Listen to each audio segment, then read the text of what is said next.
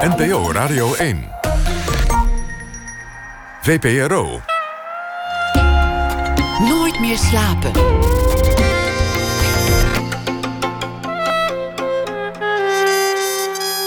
Met Pieter van der Wielen. Goedenacht en welkom bij Nooit meer slapen. Marieke van Dijk komt zometeen op bezoek. Ze is saxofonist en componist en ze timmert aan de weg in Brooklyn onder meer. Ze staat aan de vooravond van een korte Nederlandse tournee en ze heeft recent een nieuw album uitgebracht. En zij is de gast na één uur. Pieter Jouke hoort u dan ook. Hij is cabaretier en deze week zal hij elke nacht een verhaal voordragen bij de voorbije dag. Maar we beginnen komend uur met Wendelin van Oldenborg, want Komende maand zal zij Nederland vertegenwoordigen als inzending op de Biennale in Venetië. En dat is een prestigieuze opdracht. Internationaal is zij al jaren een gevierd kunstenaar. Maar omdat ze lange tijd weg was uit ons land, is ze misschien minder bekend geworden hier dan elders. Drie jaar geleden won ze al de Heineken Prize. En dat is een van de mooiste prijzen die je kunt winnen in de beeldende kunst. Cinema Hollanda heet het project waarmee ze op de Biennale staat. Het gaat over drie films en een installatie in het Nederlands paviljoen. En die handelt over de Nederlandse postkoloniale geschiedenis en het beeld dat wij hebben van onszelf als land. Van Oldenborg werd geboren in 1962 in Rotterdam, groeide op in Hendrik Ido Ambacht, verliet op haar negentiende het nest en uh, het land, woonde achtereenvolgens in Londen, Parijs en Berlijn en tegenwoordig werkt ze vanuit Rotterdam. Hartelijk welkom, Mendelin. Dankjewel. Dat is, dat is een, een, een een ontzettend chique opdracht om, om je land te vertegenwoordigen op een biennale in, in Venetië. Ja. Is, is dat dan ook iets, iets waar je nerveus van wordt? Uh, hangt er vanaf wanneer. wanneer zou je daar nerveus van worden? Het is natuurlijk, uh, tegenwoordig is het zo dat uh, het is een open call. Dus je wordt natuurlijk al in eerste instantie nerveus bij het bedenken van ga je daar, ga je daar op in of ga je daar en het is een open call naar de curator toe. Dus curatoren die schrijven in. En nodigen een kunstenaar uit om mee te doen. En dan kan je al nerveus worden. of je dat... Als het in je aard ligt. Precies. En dan... Ja, als het dan inderdaad uh, blijkt dat, dat je daaruit geselecteerd wordt... kan nog een keer nerveus worden. Maar ja, dan ben je al zo lang bezig. Maar je komt, wel in, een, je komt wel in een groot circus terecht straks daar. Ik bedoel, het is heel massaal met, met nou ja, ontzettend veel pers en ontzettend veel aandacht. Ja. En, en ook allerlei uh, competitie die daar een rol speelt. Ja. Nou, daar heb ik nog niet zo heel erg veel over nagedacht. Uh, ik vond het vooral belangrijk dat, um, dat, een heel, dat het eigenlijk een heel uh, unieke uh, een uniek podium is. Een uniek platform om, uh, om iets op te doen. Want ik heb wel vaker in een biennale tentoongesteld. Maar dit is echt iets anders. Omdat het, wat je ook zegt, het is een uh, biennale waarin nationale vertegenwoordigingen zijn. Dat heb je eigenlijk nergens meer. En dat blijft in Venetië wel het geval. En ook behoorlijk ja, heftig in een bepaalde zin. Omdat ook de, een, een klein of een groot aantal landen hebben hun eigen paviljoen. En dus je zit dus echt in een soort van uh, ja, rare diplomatieke functie. Maar wat, uh, wat daar eigenlijk het gevolg van was, is dat we dat ook uh, toch echt serieus hebben genomen. Dat, je, dat, dat het niet zomaar een vertoning van werk is, maar dat het ook werkelijk gaat om die nationale representatie om het land te tonen aan de wereld. Zoiets, ja. Dat je toch, nou ja, dat je daar in ieder geval over nadenkt. Wat betekent het om, je, om, om iets met dat thema te doen? Met wat, met wat betekent kunst ten aanzien van de natie bijvoorbeeld? En wat betekent het om, om daar dan mee in een internationale uh, situatie te gaan staan? Je zou het heel patriotistisch kunnen opvatten. Je, je komt uit voor je land zoals een Olympische sporter dat doet. Heb jij dat soort patriotistische gevoelens? Heb jij een heel warme band met Nederland? Allerminst. Allerminst. Nou, dat is toch al een bekentenis. Ja, nou ja, allerminst is misschien wel heel erg hard. Maar ik, nee, ik heb dat niet. En ik denk ook, dat is ook inderdaad het interessante... dat het woord representatie kan twee kanten op natuurlijk. Je kan aan de ene kant denken, inderdaad... patriotistisch representeer ik mijn land. Aan de andere kant, wat ik wil doen... is een representatie maken van het land wat ik zie. Dus dat is eigenlijk het representeren van het Nederland zoals jij het ziet. Zoals ik het zie. Zoals ik denk dat, dat het... Dat, ja, dat, en zoals het misschien niet naar buiten komt. Een ander Nederland dan de meeste mensen uh, voor zich zien. Laat, laten we dat even bewaren en, en daar straks over praten. Maar laten we het eerst eens hebben over het Nederland waarin jij bent opgegroeid. Geboren in Rotterdam en toen kwam je terecht in Hendrik Ido Ambacht. Een plek waar, een plek waar je wel eens langs rijdt. Wat, wat is het voor dorp en, en hoe was het om daar op te groeien? Wat voor herinneringen heb je daaraan? Nou ja, dat is een, het werd toen. Een, ik ben daar in de, in de 60, 70 jaren opgegroeid. En dat werd toen gewoon een suburb van Rotterdam. Het was een, was een commute city. Terwijl het inderdaad vanuit een dorp kwam. Dus het was heel. Uh, ja, het is, het is wat het is. Maar het, is, het was best wel. Uh, zal zeggen? iets om van weg te gaan. Je wilde er vandaan? Ja, dat zeker. Ik heb daar. Ja, dat, dat is zeker. Ik denk altijd dat het heel, heel gunstig is als je ergens opgroeit waar je gewoon uh, denkt van hm, hier niet. Ik heb daar een beeld van, van, van een gelovige gemeenschap waar ontzettend hard gewerkt wordt en dat ook belangrijk wordt gevonden. Mensen die, die, die banen hebben, vaak ook buiten dat dorp. En, en die ja, een hard werkend leven hebben. Een beetje een, een stugge gemeenschap. Nou, ik, ik gelovig is zeker een woord wat daar uh, geldt. Wat ik wat ik mij herinner, is het eigenlijk het is een van de Bijbelband. Uh, tenminste, ik weet niet of dat nu nog zo is, maar er was toen echt wel zo'n Bijbelbelt uh, uh, gemeente. Waar je, ik weet niet hoeveel kerken had. En, en ook tot, tot aan zeer fundamentalistisch gereformeerd. Dus mensen die in het midden van de straat naar de kerk liepen op zondag. Voelde je je thuis? Voelde ik mij daar thuis? Ja, zeker. Maar niet zeg, ja, thuis voelen is altijd een heel. Dat, zo heb ik het meegenomen, is een heel erg relatief begrip. Dus je voelt je thuis tussen drie families of zo. En uh, dat is dan oké. Okay. Dit, hoeft, dit hoeft niet zeg maar, met iedereen te zijn. Dat gaat ook niet. Dat zou moeilijk gaan met iedereen thuis voelen. Misschien zou het ook niet in je aard liggen. Wat, wat deden je ouders? Je, je, vader was advocaat en je moeder psycholoog? Ja. Wat voor advocaat was het? Hij is een familierechtadvocaat. Ze heeft zich met. ja, het is eigenlijk, heel, eigenlijk een vrij sociaal beroep. Om uh,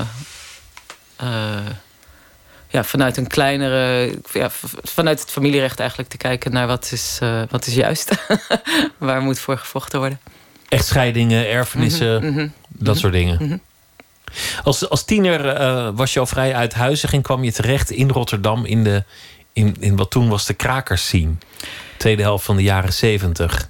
Ja, eerder tegen de jaren tachtig aan. En uh, krakers is inderdaad. Ik, ik ben er gewoon laat ik zo zeggen, ik kwam in een, uh, in een groep vrienden terecht die toen allemaal. Ik was nog op de middelbare school, maar die zaten allemaal op de conservatorium en de kunstacademie. En, en gingen, ja, gingen in die tijd gewoon gebouwen kraken om in te wonen en werken.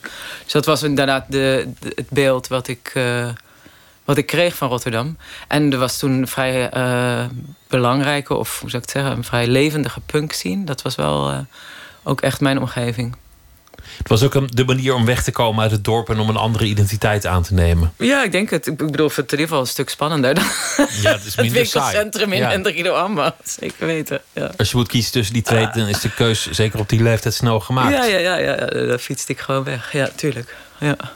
Anderen deden het kraken. En jij woonde ook niet zozeer in een kraakpand, maar jij kwam taart brengen als het weer was gelukt om een, om een gebouw te nou kraken? Nou ja, dat was gewoon inderdaad. Ik heb, niet, ik heb niet met verschillende kraakpanten te maken gehad. Maar ik had een groep vrienden die hebben op een gegeven moment uh, de quarantaine-inrichting gekraakt daar in de, in de haven. En dat, ja, daar was ik gewoon bij, zomaar zeggen. Dat ik dat, uh, dat heb ik ondersteund als tiener.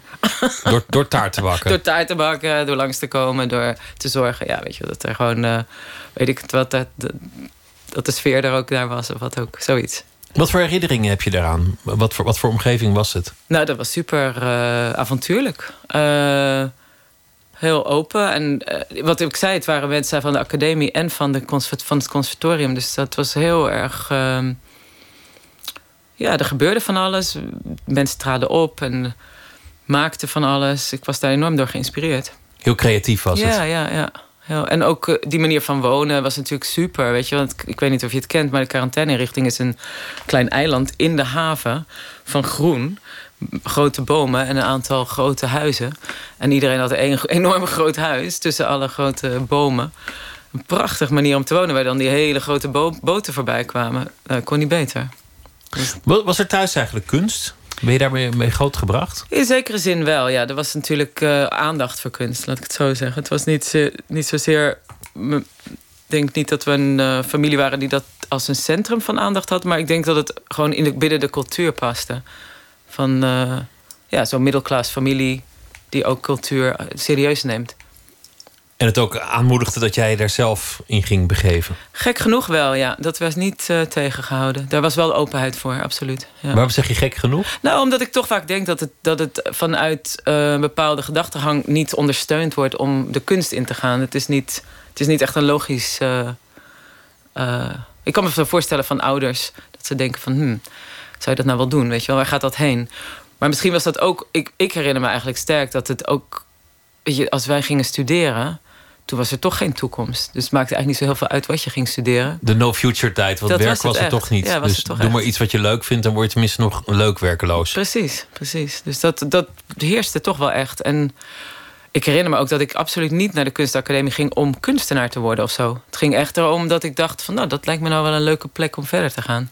Om aan jezelf te slijpen en hoe je in je onderhoud voorziet... dat, dat komt later wel een ja, keer. zoiets. En dat maakte ook echt niet uit of zo is ook een beetje punk, uh, punk-achtergrond. Zo van, ja, dat komt wel goed. Of je, je hebt het niet nodig. Begrijp je?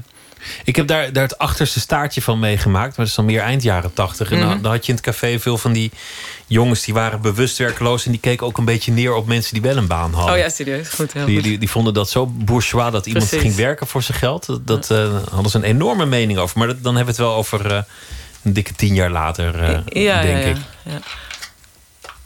Je, je wilde eerst weg uit het dorp en vervolgens wilde je weg uit het land.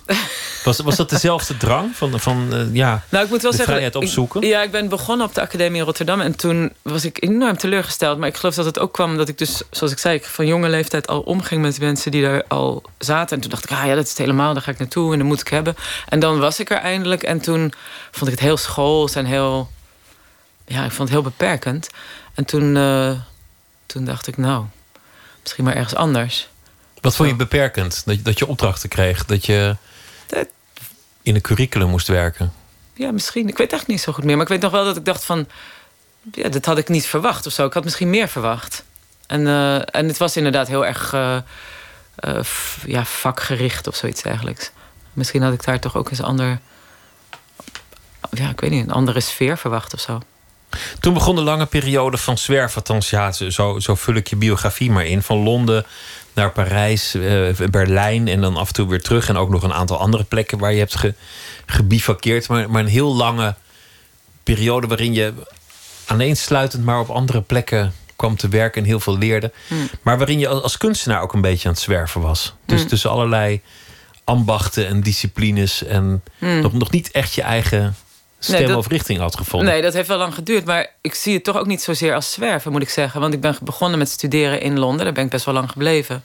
Dat heeft ook echt wel... Een jaar of zeven of zo? Ja, zeven, acht. Ja, en uh, en dat, dat was wel heel... Ja, hoe zou ik zeggen? Uh, stevig. Ook om daar die studie te, te doen, dat, heeft, ja, dat was gewoon heel duidelijk. En niet, niet zwervend, zeg maar zeggen. Ik was niet aan het zoeken of zo. Ik was gewoon daar. En hard aan het werk. En aan het werk. En, en heb daar natuurlijk heel veel gedachten gemaakt over wat dat dan moest zijn of wat dat dan moest worden. En, en ook hoe anders dat was dan het, uh, dat het in Nederland werd aangegeven. Dat was ook best wel interessant. En um, alleen was het dan, ja, vanuit die positie ben ik wel weggegaan, omdat Londen is wel een hele, ik vind het een super, super spannende stad.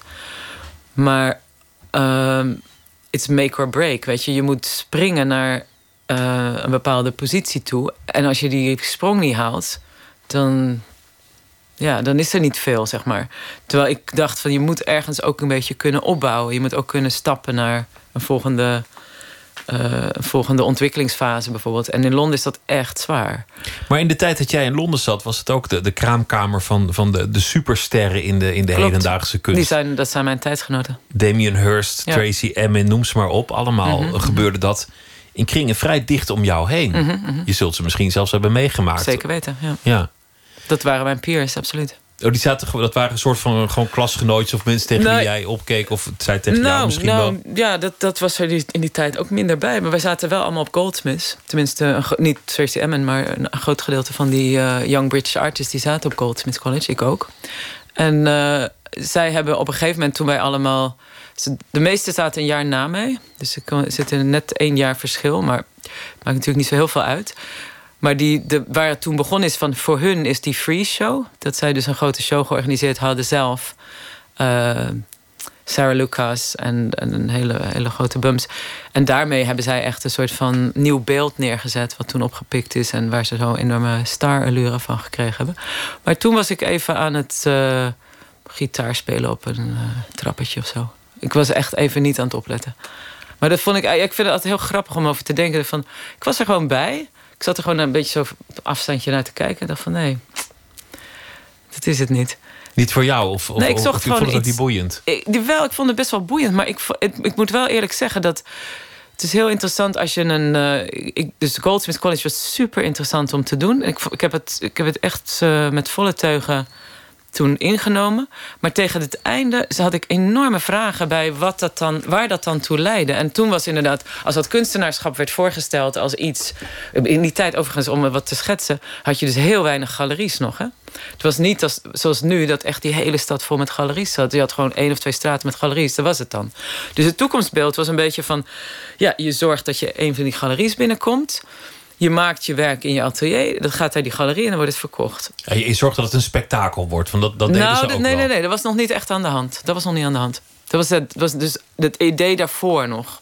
Zo van, wat is een kunstenaar? Wat, wat, wat, wat betekent dat? Wat ga je dan doen in je leven? En toen vond ik dat zo onvoldoenend... Uh, als soort van uh, relatie tot de wereld...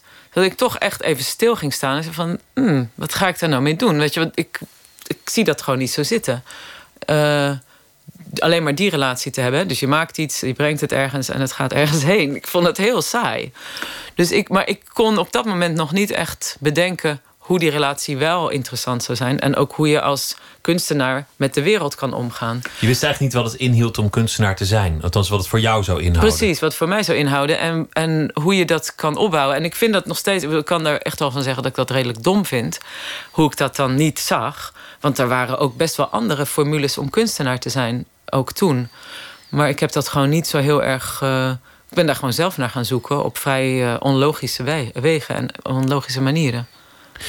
Later werd, werd het wel dat, dat grote spektakel. Tracy Emin, die, die haar liefdesgeschiedenissen in een tentje uh, tentoonspreidde. Of haar leven, um, in, inclusief het polsbandje van de abortus, hmm. toonde. Ook wel, ook wel heel, heel spectaculair allemaal.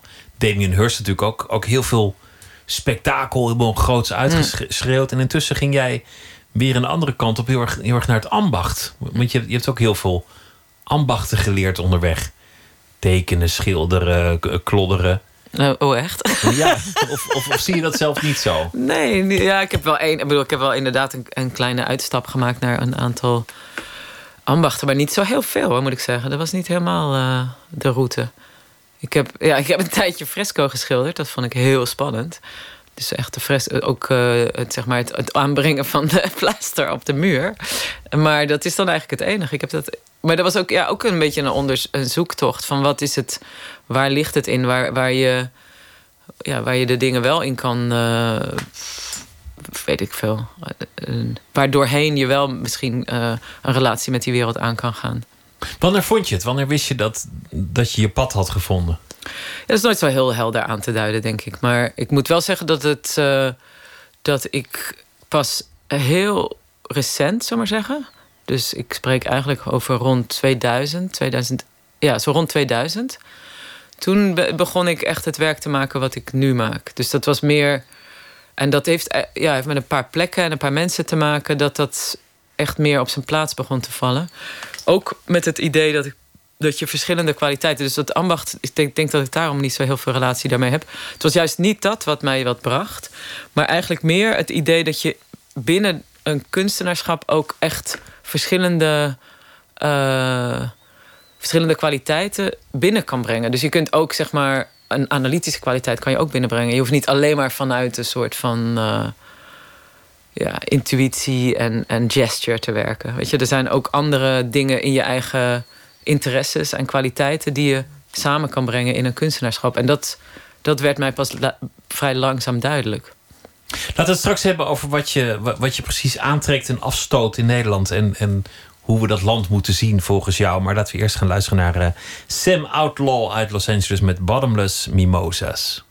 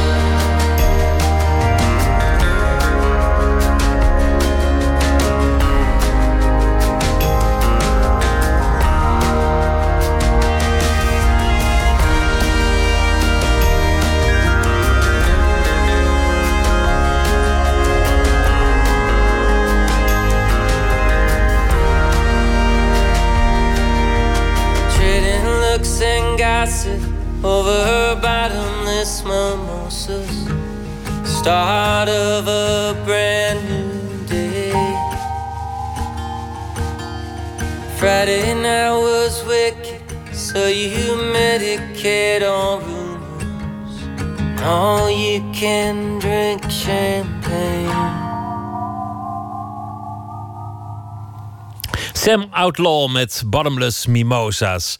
Nooit meer slapen in gesprek met Wendelin van Oldenborg... naar aanleiding van de Biennale in Venetië... waar zij Nederland zal vertegenwoordigen in het paviljoen. En dat eh, is komende maand aan de gang. Ze zijn al druk bezig met, eh, met opbouwen. Ze is tussendoor even terug hier eh, in Nederland.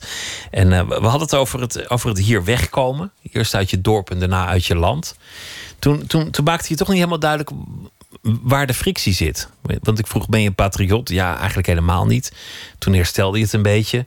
Je wilde wegkomen, want, want het trok je hier niet aan. Wat, wat was jouw verhouding, wat is jouw verhouding met, met Nederland? Hoe kijk je er tegenaan? Ja, ze, pff, is wel heel Dat is een moeilijke vraag. ingewikkelde vraag. Ja, precies. Want ik denk dat eh, het moment dat ik, ben, dat, ik in, dat ik in Londen ben gaan wonen... dan na verloop van tijd krijg je natuurlijk een heel andere blik op waar je vandaan komt. En dan begin je allerlei dingen te zien die jij dus constant met je meedraagt. En waarin, waar je dan bent heel anders tegenaan gekeken wordt. Dus dat, ja, dat geeft dan een soort van... Ja, andere... Ik, ik tenminste, heb dan een hele andere kijk gekregen op waar ik vandaan kwam. En eh, ja, ik vond... Ik ging gewoon heel veel vragen daarbij stellen. En op, een, op den duur had ik ook absoluut niet de neiging om dan hier terug te komen. Om daar iets mee te doen. Maar omdat dat uiteindelijk toch gebeurd is, toen werd het mij wel duidelijk dat het wel interessant is door je, de- dat je jezelf laat leiden door die irritaties. Dat je, als kunstenaar tenminste, dat dat een, dat dat een, een motivatie wordt. En wat zijn die irritaties? Nou, dus gewoon, eigenlijk was het in eh, lange tijd al dat ik mij gewoon afvroeg van dat de houding die er bestond, eh, in hoeverre bijvoorbeeld, het was mij al eigenlijk al heel lang had ik gewoon vragen bij het idee van wat, wat betekent eigenlijk tolerantie voor eh, het samenleven in één, in één plek. En eh, wat is dat dan, weet je? En daar, daar, als je dan daar een beetje verder op doorgaat, dan merk je ook dat tolerantie is eigenlijk een heel negatief begrip. In, in veel andere talen is het ook helemaal geen positief woord. Want als je iets tolereert, dan ben je daar eigenlijk niet. Uh, hoe zou ik zeggen? Dan, dan is het iets ergs. Wat je alleen maar toelaat omdat je het tolereert. Dus het is niet een positief begrip. Je laat het gaan. Ja, tolereren, inderdaad. Tolerantie en tolereren is van eigenlijk is iets totaal onaangenaam, maar je laat het maar bestaan omdat je, dat er niks anders te doen is, zoiets. Nederlanders hebben zichzelf heel lang omschreven als, als tolerant. Was een vaste beschouwing in alle mhm. omschrijvingen van het land door, door, door de Nederlander zelf. Mm. Buitenlanders wisten al langer dat de Nederlandse tolerantie voor een groot deel ook bestond aan het simpele feit dat ze gewoon niet kon schelen wat een ander deed. Ja, zo inderdaad. Doe het niet in mijn straat, maar, eh, maar verder, joh, je, je ziet maar lekker. het zal ja. me wat. Ja. Maar ja, dat is dan een gedeelte van dat. Want ja, daarom is het een negatief woord. Het, het, is het is je niet bezighouden met of je verhouden tot. Het is inderdaad het laten zijn. Iets wat je niet aangenaam vindt, maar je laat het maar zijn, want het. Ja, je hebt er niet, dat, dat maakt dat het dan eventueel oké voelt of zo. Middels uh, iets dat zich op de rand begeeft van architectuur, filmkunst. Film speelt een heel grote rol. En, en beeldende kunst vertel jij verhalen over identiteit, over een land, over, over wat uh, een land van zichzelf vindt en hoe je dat anders zou kunnen zien. Mhm. In dit geval gaat het over de postkoloniale geschiedenis van Nederland mhm. en hoe wij ons verleden vertellen. Een van de voorbeelden in die, die trilogie die je gaat laten zien aan, aan films uh, gaat over de, de zwarte krakers zien mhm. in Nederland in de jaren 60 en 70. Wat is dat voor, voor verhaal? Want ik had er nog nooit van gehoord. Uh, ik, ik, wil even, ik moet even een paar dingen rechtzetten. Want uh, als je. Ja, ik weet, ik weet niet of mijn werk over een postkoloniale geschiedenis gaat. Dat vind ik altijd. Ik vind het sowieso een beetje een gekke term. Zo postkoloniale geschiedenis. Wat, wat is dat dan?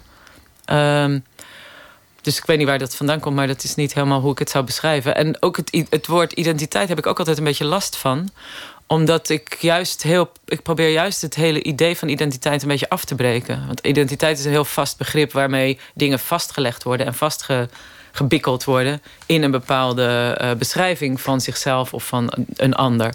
En ik probeer juist te werken met. door dat los te weken van de vaste, vaste beschrijvingen. Dus ik wilde dat maar eventjes uh, tussendoor okay. recht zetten. Maar dan wil ik wel vertellen over. Uh, dus het werk, uh, een van de werken dat in Venetië komt te staan, dat heet Proloog Squat Anti-Squat. Dat heeft inderdaad als centrum van, uh, van, van aandacht een kraakactie uit de mid jaren zeventig. door een, een grote groep Caribische Nederlanders. En die schijnt inderdaad, nou ja, jij, zegt ook al, je weet er ook, wist er ook niks van. het is gewoon weggevallen in de hele uh, vertellingen van de kraak.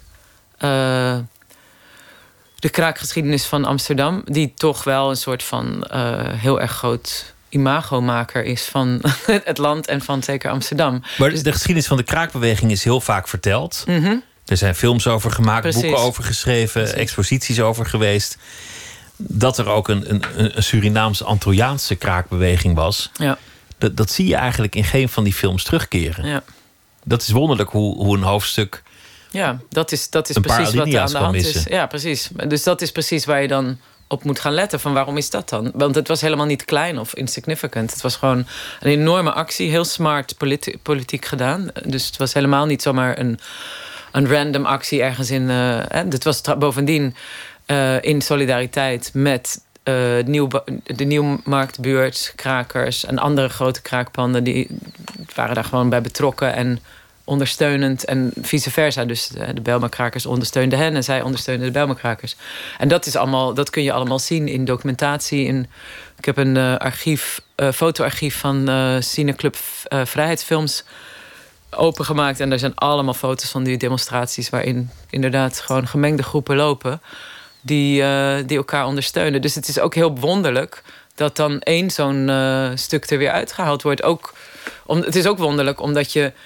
Kijk, als je, als je de, denkt van oké, uh, de dominante cultuur die schrijft zeg maar de wat minder. Um, centrale uh, uh, cultuur weg en, en laat die wegvallen. Maar hier hebben, hebben we het al over een alternatieve cultuur. en die, ma die maken dan ook nog eens zo dat uh, binnen de alternatieve cultuur moet er ook nog een stuk weg of zo. Dus één groep die, die claimt als het ware de geschiedenis. Die krijgt de geschiedenis. Eigenlijk denk ik het wel. En dat, gaat, dat geldt dan niet alleen voor, de, voor dat, dat, er, dat die uh, Afro-Nederlandse groep wegvalt, maar ook bijvoorbeeld vrouwen. Want de, de kraakbeweging, als je daar echt. Hè, als je het woord al zegt, dan zien we al een mannelijke uh, kraker dat is toch een soort van beeldvorming die daar, eh, ja, die daar uh, opgebouwd is. Die toch ook niet helemaal klopt. Want er waren heel veel anders, andersoortige krakers ook. En daar, ja, daar zijn ook wel, of tenminste, daar is on, onlangs zijn er wel studies naar gedaan en boeken over verschenen. Maar dat is toch, ja, dat vind ik altijd interessant als er dan zo'n dominant beeld komt. En je weet dat dat ook uh, gevarieerder was. Dus dat de geschiedenis gek verteld wordt. Maar dan, dan, kom je via de geschiedenis van het kraken ook terecht in de geschiedenis van, van het wonen mm -hmm. en, en het, het, woningbeleid. Mm -hmm. Wat ik ook niet wist, is dat er heel lang een soort toewijzingsbeleid was voor hoeveel Surinamers er in, in welke buurt mochten ja, wonen. Ja. Een, een, een, vrijwel racistisch beleid. Absoluut, ja. Want er werd gezegd, nou, hier, uh, die buurt die, die, die moet wat blanker en die moet wat minder blank. Klopt. Dat heeft vrij lang bestaan. Mm -hmm. Tot, tot mijn verbazing. Nou ja, precies. En, en, eigenlijk een van mijn motivaties voor dat werk was ook om de, de hele mythe van de 70 jaar een klein beetje bij te schaven. Van als wij denken van oké, okay, ja, toen was het nog goed. Weet je wel, toen waren we allemaal heel erg sociaal denkend. En toen, waren, toen was alles gewoon uh, veel uh, ja, opener. Maar als je naar het beleid kijkt, absoluut niet. En er was dan inderdaad een ontzettend racistisch beleid qua woningtoewijzing. Uh, en daar zo waren er nog wel meer uh, dingen die echt op beleidsmatig niveau helemaal niet uh, open en, en uh, ja, accepterend waren. Dit is een van de onderwerpen waar je een film over hebt gemaakt, die je dan toont in een installatie, zodat je ook op andere manieren dat verhaal ondergaat. Mm. Ja, het is niet zozeer. Ik vind het een beetje moeilijk om het als verhaal te zien. En ook, ik maak ook niet een werk over iets, zeg maar. Het is echt een andere manier waarop het opgebouwd wordt. Want ik neem, ik neem een, een onderwerp, zeg maar, als centrale uitgangspunt. Ik nodig mensen uit die, uh, die daar persoonlijk uh, dingen mee te maken hebben gehad. Dus het zijn ook geen. Uh, geen acteurs met, waarmee ik werk. En, maar we gaan daar geen interviews en verhalen vertellen mee doen, zeg maar. We, we zetten dingen op en scènes en en, en eigenlijk uh, trefpunten tussen uh, verschillende elementen. Waarmee er dingen ontstaan op de, op de shoot zelf. En daar, daar komt dan ja, daar komt een soort ja, meer resonerend werk uit. En een meer een soort van ja, een kaleidoscopisch werk eigenlijk in dit geval. Omdat daar vrij veel mensen meededen. Um, maar ik kan, ik kan niet zeggen dat dat een verhalend werk is eigenlijk. Het is niet een soort aflevering van andere tijden. die je hier ook niet. over zou kunnen maken. Nee, zeker niet. Daarvoor is het te persoonlijk waarschijnlijk. En ook, ook... Nee, nee, nee. Het is, deze moet je het echt niet zien. Het is, uh, het is, het, is meer. Het is gewoon een vorm waarin um, dingen van verschillende aard elkaar beïnvloeden en treffen. Dus in een filmshoot kan je dingen van verschillende aard, namelijk uh, feiten. Uh, uh, beelden. Ik had ook in, in dat geval had ik ook grote uitvergrote beelden als props hangende. Mensen die uh, iets met zich meedragen. Dat zijn hun eigen ervaringen, maar dat is bijvoorbeeld ook hun kennis van, over dingen. En de plek zelf, het feit dat we aan het filmen zijn, die treffen op elkaar. En dan gebeurt er iets. En dat is niet, zeg maar, ja, het is niet conventioneel wat er dan gebeurt. En het is ook niet echt. Ja, ik, ik vind niet dat het dan resulteert in verhaallijnen. Er gebeurt gewoon iets anders. En, en door editing en, en, en het maken van ook bepaalde uh, camerakeuzes en uh, uh, ja, esthetische beslissingen komt daar een werk uit, zullen we zo zeggen. In 2011 waren er rellen in Londen. Dat mm -hmm. heeft toen een hele zomer geduurd. En dat, dat, is, dat is groot in het nieuws geweest. Jij bent daardoor geïnspireerd werk gaan maken dat, dat daarmee te maken had. Mm -hmm. En jij filmde onder meer één man die op verschillende camerabeelden gezien was. Niemand had echt gezien dat hij, dat hij aan het plunderen was. Maar desalniettemin was hij veroordeeld. Omdat de combinatie van die camerabeelden hem een, een aangewezen plunderaar maakte. Mhm. Mm -hmm. Het interessante is dat jij hem gaat, gaat filmen of, of ondervragen. En dat hij zich wendt tot de camera en, en vrij dreigend wijst. En zegt: Ik word hier gefilmd, ik word daar gefilmd en nu word ik verdorie weer gefilmd. Ja. Dat, dat vond ik een sterk werk, omdat dat de toeschouwer daarmee ineens deel wordt van, van een soort verhaal. Mm -hmm. Ja, niet alleen dat. Het is natuurlijk ook een enorme infraagstelling wat, wat je doet als kunstenaar. Kijk, als je zegt van uh, ik ga daar iets mee doen en ik uh, doe dat door, het, door, ja, door iets met mijn camera te gaan doen, dan is dat, ja, is dat, is dat iets? Weet je wel? Is dat genoeg? Is het zo dat als je, als je camera ergens opzet, dat je het dan zichtbaar maakt? Is dat, is dat iets? Doe je dan iets goeds? Precies. Dus dat, die vraag wilde ik mezelf ook wel stellen. En hij stelt hem aan mij. Weet je, zo van, welke positie neem ik daar nou eigenlijk in? En uh, ja, ik, ik, eigenlijk elk werk wat ik maak, daar, daar zit ook een, uh, een gedeelte in van een openbaar maken van het maken, zullen maar zeggen. Dus het zit, er is altijd een evidentie van het maken in het werk. Omdat het, ik ga er ook van uit dat een. Uh, dus als je, als je geconfronteerd wordt met een filmwerk, dat je dan, zo gauw je ook bewust bent van de constructie daarvan, dat je dan ook je eigen positie als kijker veel meer bewaart. Dat je veel meer ook je eigen relatie daartoe bewaart. En dus dat is het omgekeerde als zeg maar het idee van de fictiefilm, waar de juiste bedoeling is om de kijker mee te slepen naar binnen. Dus je wilt zelf niet, niet onzichtbaar zijn. Je wilt niet verhullen dat je eigenlijk iets in scène zet of construeert, of dat je het filmt, of dat het op, wat, wat ja, dan ook gemaakt wat al die, is. Wat die, inderdaad, wat al die apparatuur ook doet. Dat, dat, dat, ja, daar wil ik wel uh, evidentie van maken en aanwezig laten zijn. Om, uh, ja, om die. Het is inderdaad om die illusie weg te nemen dat het, dat, dat de waarheid zou zijn. Of dat dat het zou zijn. Het blijft altijd een, uh, ja, het, hetgene wat je maakt, hetgene wat je construeert. Zoals de geschiedenis ook maar een verhaal is. Dat wordt verteld door iemand. Ja, uiteraard, ja. En zoals jouw kunstwerk dat ook is. Ja, in zekere zin. Dat is ook maar een versie. Ja, precies. Ja. Maar die, die vraag beantwoordend, wat doe je nou eigenlijk? Dat, ik bedoel, die man wijst naar de camera en zegt: Dan word ik weer gefilmd. Ja. En stelt ermee de vraag: Wat doe je nou eigenlijk? Ja, precies. En dat, dat is een, een vraag aan jou. Ja, maar wat ik probeer te doen, inderdaad, en dat is ook inderdaad in dat werk is dat gewoon heel uh, interessant, want het stond onder enorme spanning ook, omdat ik me dat echt afvroeg: van heeft dit wel zin? Maar dat vraag ik me elk werk af: van heeft dit wel zin? Uh, en die, dat, die vraag die stel ik zeg maar niet alleen aan mezelf, maar ook juist aan al de mensen die ik uitnodig om mee te doen. En om mee te doen wat mijn idee is, of mijn bedoeling, is om uh, ruimte te scheppen. Dus niet om het al in te vullen als maker, maar om ruimte te scheppen om dingen te laten gebeuren, wat ik net probeerde uit te leggen. Dus dat, dat ik die dingen wel uitnodig en daar ruimte voor schep door bijvoorbeeld een heel precieze scène uh, op te zetten. Dus ik weet waar ik ga filmen, ik weet ook camera uh, richting en alles. Maar ik heb het nog niet ingevuld. Want wat er ingevuld gaat worden zijn wordt gegeven, wordt aangeboden door de mensen die ik uitnodig. En die hebben allemaal kennis die ik niet heb. Die hebben allerlei dingen die ik niet kan weten. En daar probeer ik ruimte voor te scheppen. Voor die dingen. Voor die on, eh, dingen die ik nog niet weet. Je weet niet precies wat je gaat draaien. Zoals een, een, een filmmaker dat vaak wel weet. Mhm. Die weet precies waar die mee thuis gaat komen. Mhm. Dat, dat weet je niet. Je, je stelde eerder de vraag: ja, wat is het eigenlijk om een kunstenaar te zijn? Je maakt iets in, in je in je galerie of in je atelier. En dan ga je naar, de, naar een, een galerie en die gaat het. Uh, die gaat het dan verkopen en brengen aan de wereld. En dan komt het in een museum of, uh, of, of, ergens aan de muur. Dat, dat, vond je, dat vond je niet bevredigend. Nee, maar dat vind ik nog steeds niet bevredigend. Dus dat is, maar ik heb nu ontdekt dat er, veel, dat er heel andere kanalen ook bestaan. En dat er ook heel andere. Er zijn verschrikkelijk veel kunstwerelden naast elkaar. Maar er zit ook de vraag in: wat is een kunstenaar?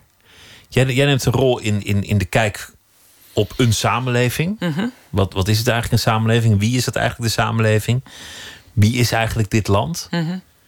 waarom, waarom is het goed om dat als een kunstenaar te doen? Nou, ik denk dat kunst uh, een heel specifieke ehm, mogelijkheid heeft om hele. Uh, om, om vers verschillende sensibiliteiten aan te spreken in, uh, in ons allen. Dus dat. En ik vind dus ook dat een kunstenaar inderdaad een ehm, uh, een meespeler is in, in, het, in het discours. Dus dat. En wat je daarin doet als kunstenaar is anders dan wat je daarin doet als essayist of als, uh, of als politicus, ik zeg maar wat. Dus er zijn, er zijn allerlei verschillende gestures die je maakt. En uh, het gebaar dat ik als kunstenaar kan maken is zowel een esthetisch gebaar als een misschien een lezend gebaar of een analyserend gebaar. Maar omdat het zeg maar, verschillende uh, snaren kan raken, kan het ook andere, ja, andere dingen openen en andere dingen doen. Je kunt het gevoel erbij halen of, of, of de walging of dat soort dingen. Precies. Ja. Kun je ook vrijer spreken dan, dan, een, eh, dan een historicus of programmamaker? Of, Nou, ik zou zeggen Of van niet. essayist? Nee, ik denk dat iedereen dat kan. Maar het, het- ja, ik- dat zie ik niet, nee. nou, de- je kunt een stap terug doen. Ik bedoel, dit, dit zijn de, de, de verhalen waar je mee bezighoudt. Het zijn allemaal dingen die vaak gevoelig liggen. Mhm. Waar, waar eh, nou, de discussie hoog op kan lopen als het gaat over eh, identiteiten en zo. Mhm. Je kunt je natuurlijk als kunstenaar meer vrijheid toe-eigenen. En gewoon een steen in de vijver gooien of een stap naar achter doen. Mm, Denk je?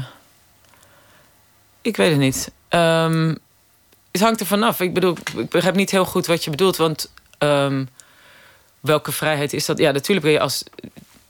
Ik, ik, denk, ik, ik zei eigenlijk dat ik dat niet dacht... omdat ik denk dat iedereen die zich uit in het eh, publieke veld... die vrijheid kan nemen. Dus een, Maar ze doen het niet. ja, een essayist zou toch ook precies hetzelfde doen.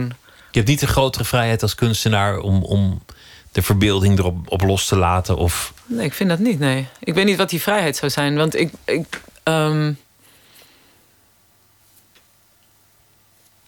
Nee, dat, dat- ik zie dat niet zo direct als een vrijheid. Ik begrijp het niet zo goed.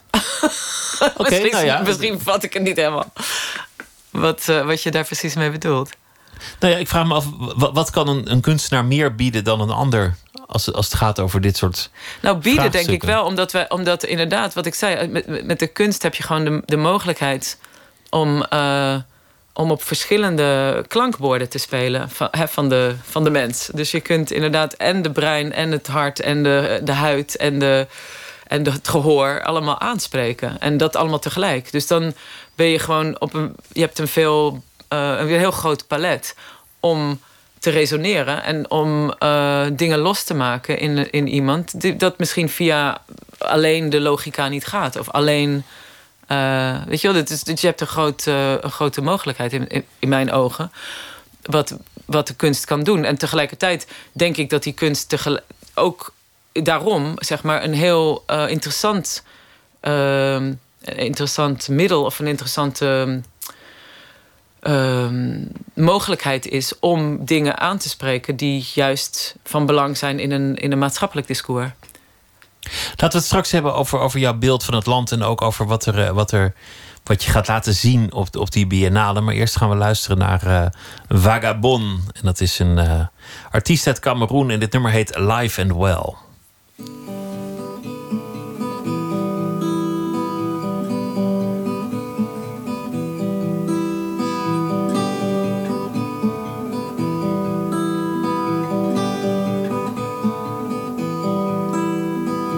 If I was a lonely boy in the midst of how everybody lived before I was this way, I don't recognize myself.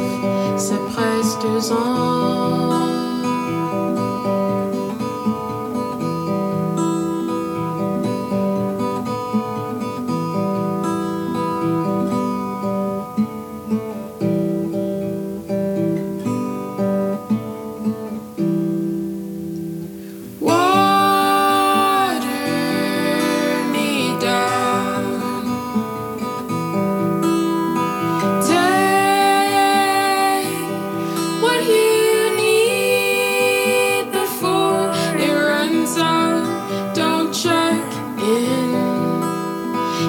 If it's producing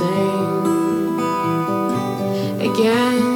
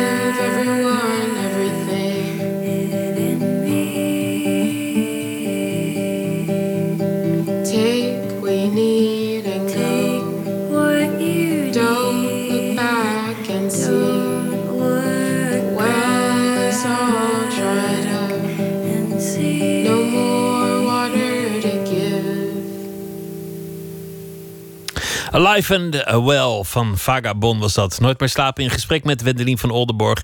Naar aanleiding van de Biennale in Venetië. Waar zij het Nederlands paviljoen zal inrichten.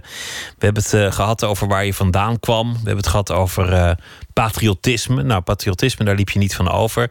Maar eh, Hendrik Ido Ambachter wilde je wegkomen. Je kwam terecht in de krakerscene waar je vrijheid hebt, hebt leren kennen. Maar van daaruit ging je naar Londen, wat toen een heel broeiende kunstsector was, waar grote supersterren werden geboren. Maar jij zei: Ik zag het eigenlijk niet. Ik, ik, ik, wist wel dat het aan de hand was. Ik zat er vlak naast, maar keek misschien wel de andere kant op. Je hebt lang moeten zoeken voor je je eigen richting hebt gevonden in de kunst, vertelde je. En uiteindelijk heb je die gevonden. Maar je liet je niet zo makkelijk vastpinnen in, in, in een frame van ze vertelt een geschiedenis. Want dan protesteer je toch van ja, dat is niet echt wat ik aan het doen ben. En eh, als, ik, als ik vertel over de, wa- wat je dan tentoon gaat stellen, wa- wat je, wat je daar gaat, gaat zeggen, dan, dan, dan ben je ook voorzichtig in je woordkeus. Postkoloniale geschiedenis, wat is dat dan? En, Ja, en het- identiteit, wat is dat dan? Aha, aha, ja, precies. Maar ik denk ook niet, bedoel, wat ik daar neergezet in, in Venetië is, is niet zeg maar een, een blik op de postkoloniale geschiedenis. Absoluut niet. Het gaat over Nederland.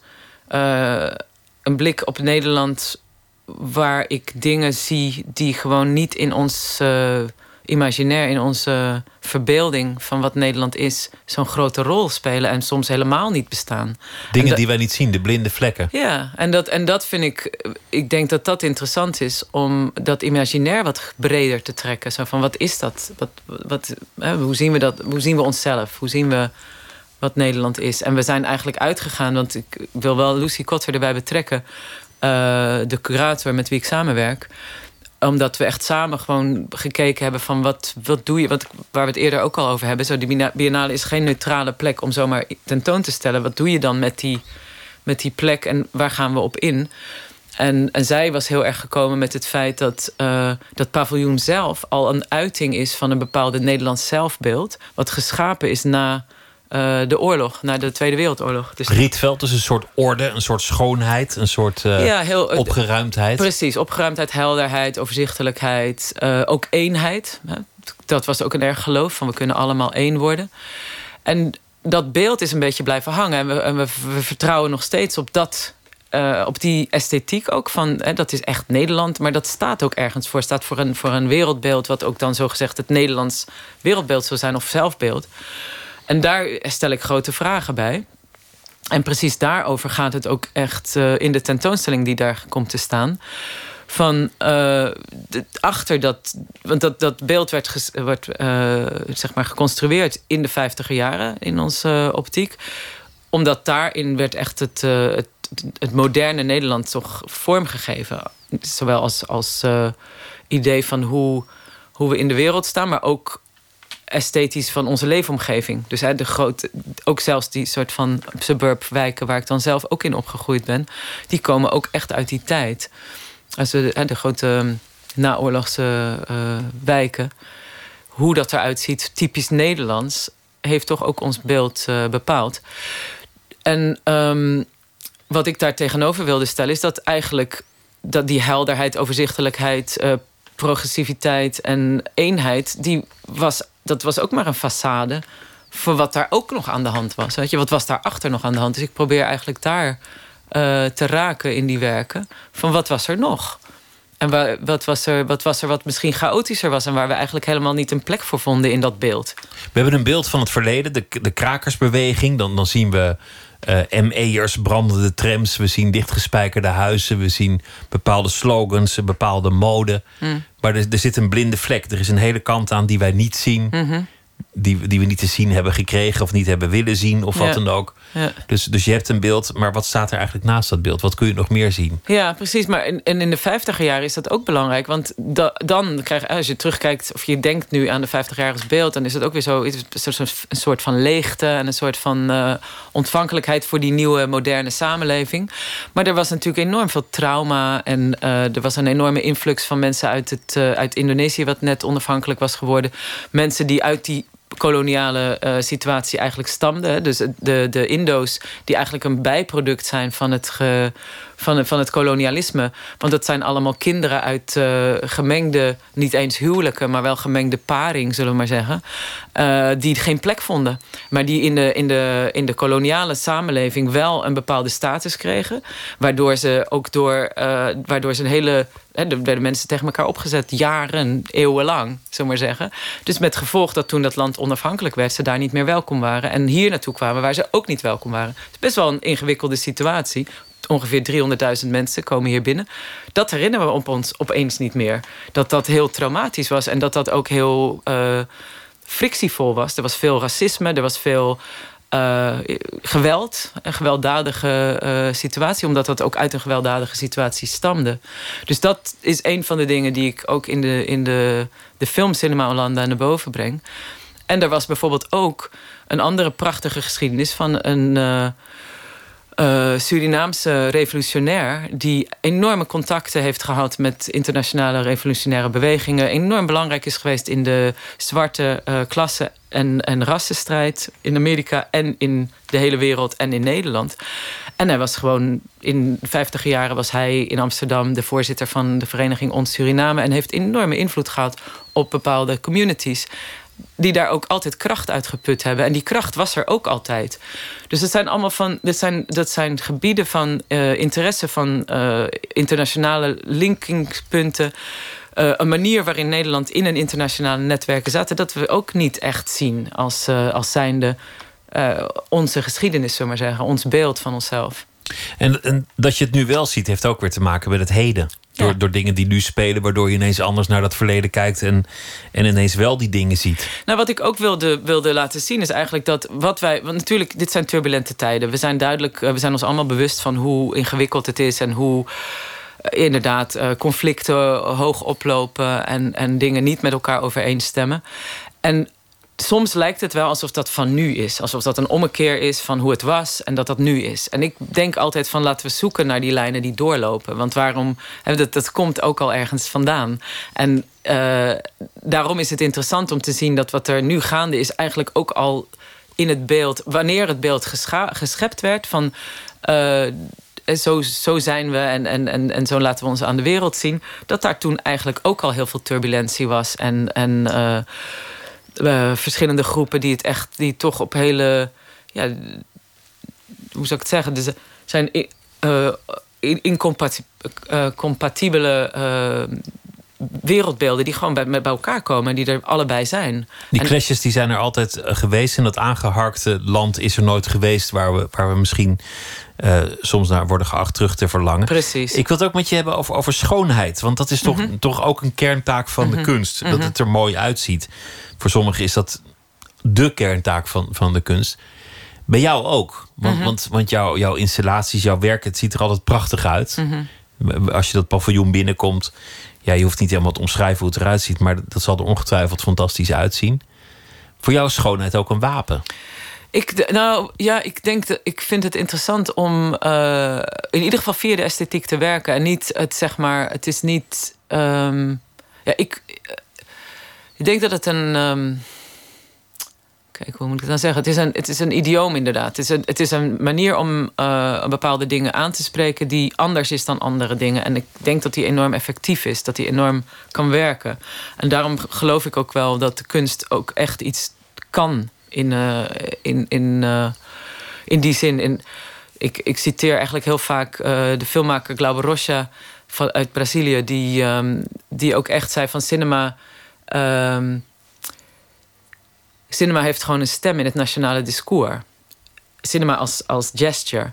En dan denk ik van, dat is echt interessant om te zeggen, omdat je kan je door, doorheen van een, een heel imaginaire taal. Uh, kan je daar inderdaad echt meedoen in iets wat alsmaar op een ander vlak wordt gehouden en daar niet functioneert, bijvoorbeeld. En ik denk dat dat ook mijn motivatie was. Toen ik in Nederland terugkwam in 2004. Uh, was ik gewoon ook verbaasd over hoe vastgelopen de debatten waren. Altijd maar in het rondje van schuld en boete. En uh, die heeft het gedaan en die hebben het gedaan. Die moeten daar nu eens een keer op aangesproken worden. Maar niet openmakend en, en herschikkerend, zullen maar zeggen.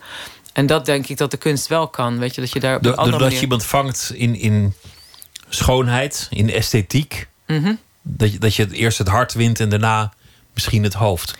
Nou ja, ik denk dat dat allemaal tegelijk gaat, eerlijk gezegd. Ik denk niet dat je het eerst het hart hoeft te winnen. Maar ik denk dat, dat, dat uh, esthetische gestures hebben gewoon uh, een krachtige impact op het gehele systeem. Misschien is dat wel hoe je het moet zien. Weet je, dat het tegelijkertijd het hoofd en de, en de huid kan aanraken. Ik wens je heel veel succes met het uh, verder opbouwen in Venetië. En met de hele biennale en het hele circus dat eraan zit te komen. Wendelien van Oldenborg, dank je wel. Dank je. Zometeen gaan we verder met uh, Nooit meer slapen. Twitter, het VPRO NMS. We zitten op Facebook en u kunt zich abonneren op de podcast via iTunes. En dat kan ook uh, via de website van de VPRO. vpro.nl slash Nooit meer slapen.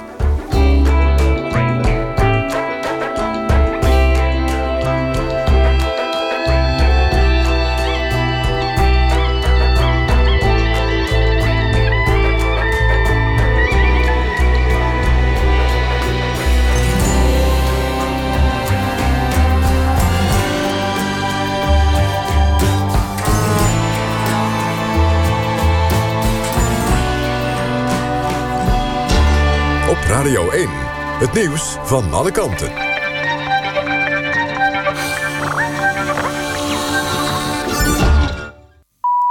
Het is 1 uur, dit is Jeroen Tjepkema met het NOS Journaal. De Franse president Hollande denkt dat de schietpartij in Parijs... afgelopen avond een terreurdaad is. De sporen wijzen op terrorisme, zei Hollande in een persconferentie. Op de Champs-Élysées werd een agent gedood... en twee agenten zijn zwaar gewond geraakt. Volgens een ooggetuige was de dader uit zijn auto gestapt... en begon hij met een kalasjnikov om zich heen te schieten.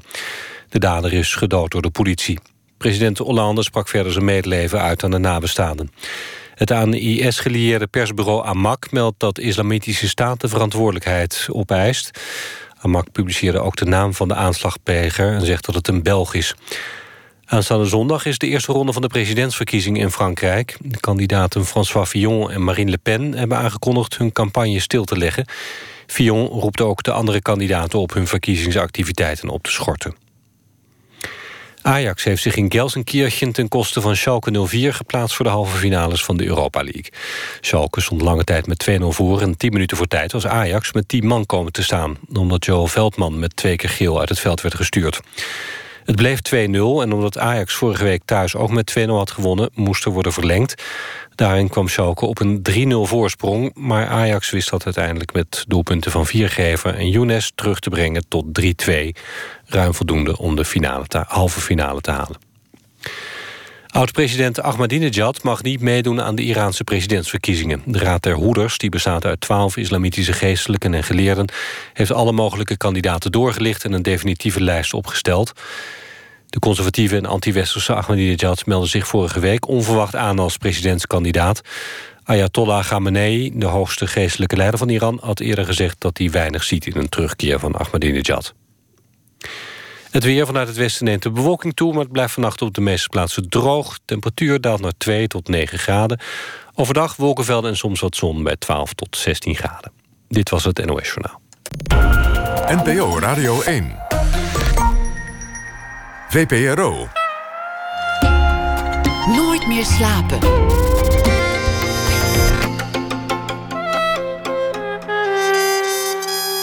Met Pieter van der Wielen. Pieter Jouke is cabaretier en uh, tekstschrijver. Een van de schrijvers achter Zondag met Lubach. En zometeen zal hij een verhaal voordragen bij de voorbije dag. Dat doet hij deze week elke dag. Marieke van Dijk komt op bezoek. Ze is uh, jazz-saxofonist en componist. En uh, ze werkt voornamelijk in New York. En ze is nu in ons land voor een tournee. En we gaan het ook hebben over het kunstproject Tijd voor Tapijten. En dat is gericht op het delen van kennis over oude ambachten, tradities en verhalen. Maar eerst het culturele nieuws. De modeketen Sarah heeft weer een kledingstuk uit de collectie uh, moeten halen vanwege felle kritiek op de sociale media. Dit keer ging het over een uh, rok waarop een kikkerfiguur stond afgebeeld. Pepe de Frog leek het wel heel erg op. En dat is nou net een uh, figuur dat zich is toegeëigend door de, een Amerikaanse beweging, de Anti-Defamation League. En die hebben het bestempeld als symbool van haat. En daarna werd het door haatpredikers gebruikt om hun racistische slogans kracht bij te zetten. Dat was helemaal voorbij gegaan aan de Sarah, dus die vond het gewoon een leuk rokje. Maar nu hebben ze het uh, uit de schappen verwijderd. Net als een, uh, een t-shirt voor kinderen een paar jaar geleden. Dat, werd, uh, dat wel erg leek op een jodenster. Iets wat erop genaaid zat. Voor de virtuele mensen in de Sims seks hebben, gebeurt dat meestal uh, uit het zicht onder de dekens en is er weinig aan te zien. Je hoort alleen af en toe een geluidje, maar er is dus een hack, een aanpassing aan dit uh, spelletje gemaakt door Wicked Wims. En dan kun je het helemaal zien zoals het uh, eigenlijk bedoeld is. Dus compleet gedecensuraliseerd, als dat een woord is. En dan heb je een pornografisch computerspelletje. Ik ga geen link geven, maar het is leuk gedaan. Bij de Oscars ging het uh, dit jaar over twee films, La La Land en Moonlight. Die worden allebei op een bijzondere manier in het uh, licht geplaatst. Namelijk in Los Angeles is 25 april uitgeroepen tot La La Land Dag. Compleet met jazzorkesten, acrobaten, dansfestijnen en uh, heel veel andere manieren om de film te eren. In Miami is een straat vernoemd naar Moonlight, de andere film. En dat zal binnenkort officieel worden geopend al daar. Vandaag komt er toch niet een nieuw album met uh, nummers van Prince. Dat is uh, bepaald door een Amerikaanse rechtbank. Op de eerste sterfdag van de poplegende zou er uh, oud werk dat nog niet was uitgebracht uitkomen. Maar dat gaat allemaal niet door. Wat wel uitkomt is het boek Prince, The Dutch Experience... van popjournalist en Prince-fan Edgar Kruijsen. En daarin belicht hij de bijzondere band van Prince met zijn Nederlandse fans. Ik heb hem nu aan de telefoon. Edgar Kruijsen, goeienacht. Goeienacht. Wanneer is het begonnen, het verzamelen van het materiaal over Prince? Hoe oud was je? Um, ja, hoe oud was ik? God, het is ongeveer 15 jaar geleden uh, begonnen. Maar uh, ik, ben, ik ben wel al sinds, uh, sinds eind jaren 80 echt wel een, een grote fan. En um, ja, ik, heb, ik, ik ben toen ik ouder werd muziekjournalist geworden. En toen, toen, toen ben ik eigenlijk ook vooral verhalen gaan verzamelen. Um, want dat vind ik eigenlijk veel interessanter dan materieel bezit.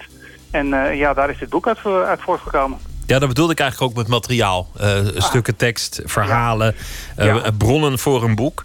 Ja. Ik, ik, ik, had begrepen dat je eigenlijk voornemens was om te wachten tot Prince 80 zou worden en dan een boek uitbrengen. Ja, dat was, mijn idee was om, om al zijn Nederlandse concerten uh, gewoon chronologisch te behandelen. Dat heb ik ook gedaan, uiteraard. Maar, maar ik had nooit verwacht dat hij dat zo jong niet meer onder ons zou zijn. En, um, en zodoende, uh, uh, aanvankelijk had ik zoiets van, nou dan stop ik er helemaal mee. Ik wou mijn manuscript weggooien. Naarmate de tijd vorderde, dacht ik, ja dat is toch eigenlijk ook zonde. Het moet, die verhalen moeten gewoon naar buiten toe. En uh, dat, dat is nu gebeurd.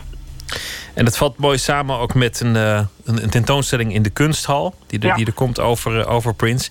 Ja. Die Nederlandse concerten, dat, dat zijn er aardig wat. Het zijn, het zijn er veel. Het begon ja. ooit in Paradiso. Een concert waarvan heel veel mensen zeggen dat ze erbij zijn geweest. Maar volgens mij ja. zat die zaal helemaal niet zo vol. Dus nee. dat kan nooit. Nee. Het grappige is dat, dat, dat zelfs uh, de mensen van Paradiso niet goed meer weten hoeveel, uh, hoeveel er waren. Er gaan echt uh, ja, verhalen van 25 tot, tot nou, rond zo'n 600. Ja, daar waren het wel ergens in het midden liggen, denk ik. Maar goed, dat was het begin van een lange relatie tussen uh, Prince en Nederland. En het mooie is natuurlijk ook dat er altijd afterparties en andere uh, onverwachte optredens tussen zaten. Ja, absoluut. Wat is jouw eigen mooiste herinnering? Ehm, mijn eigen mooiste herinnering is, ja, zoals zoveel uh, mensen, de, eerste keer de mooiste herinnering is, dat, is, dat was dat voor mij ook. Dat was in 1995. Toen, uh, toen speelde hij in een bos en toen gingen er al geruchten van, uh, van er gaat wat gebeuren, er gaat wat gebeuren. En, en ja hoor, uiteindelijk werd, werd bekendgemaakt van er gaat nog wat in, in, in Paradiso gebeuren. Nou ja, als de sodomieten naar, naar Amsterdam gereisd om daar uh, erachter te komen dat, uh, dat uh, die aftershow pas een dag later zou gaan plaatsvinden. Of een nacht later eigenlijk. Dus we hadden helemaal niet zoveel racen. Maar ja, dat, maar die show zelf die was fantastisch. En, en, en als je dan iemand die je eigenlijk alleen maar kent uit de grote stadions en ver weg... dan ineens voor je neus staat te spelen, ja, dat dat is magisch. Zeker. Ik heb, ik heb dat zelf één keer meegemaakt in Londen. Mhm. Waar hij in, in een club zo'n aftershow uh, deed. Maar ik heb ook wel eens op een plek gestaan in het Paard van Troje in Den Haag. Omdat het gerucht ging dat hij zou komen. Nou, hij kwam natuurlijk helemaal nooit. En dan stond je daar de hele avond opgewonden te zijn met vele anderen voor iets dat niet gebeurde. Wat, wat op gekke manier ook een mooie ervaring is. Ja, ja absoluut. En dat, dat, dat soort verhalen staan dus ook, uh, ook in het boek uh, wat ik heb gemaakt. Omdat juist heel veel mensen die daarbij waren, maar ook mensen van, van die zalen uh, die daar dan ook vol verwachting stonden te wachten op een artiest die vervolgens helemaal niet kwam. Dat, dat, dat, zijn net zulke mooie verhalen als, als, als de verhalen dat hij wel kwam.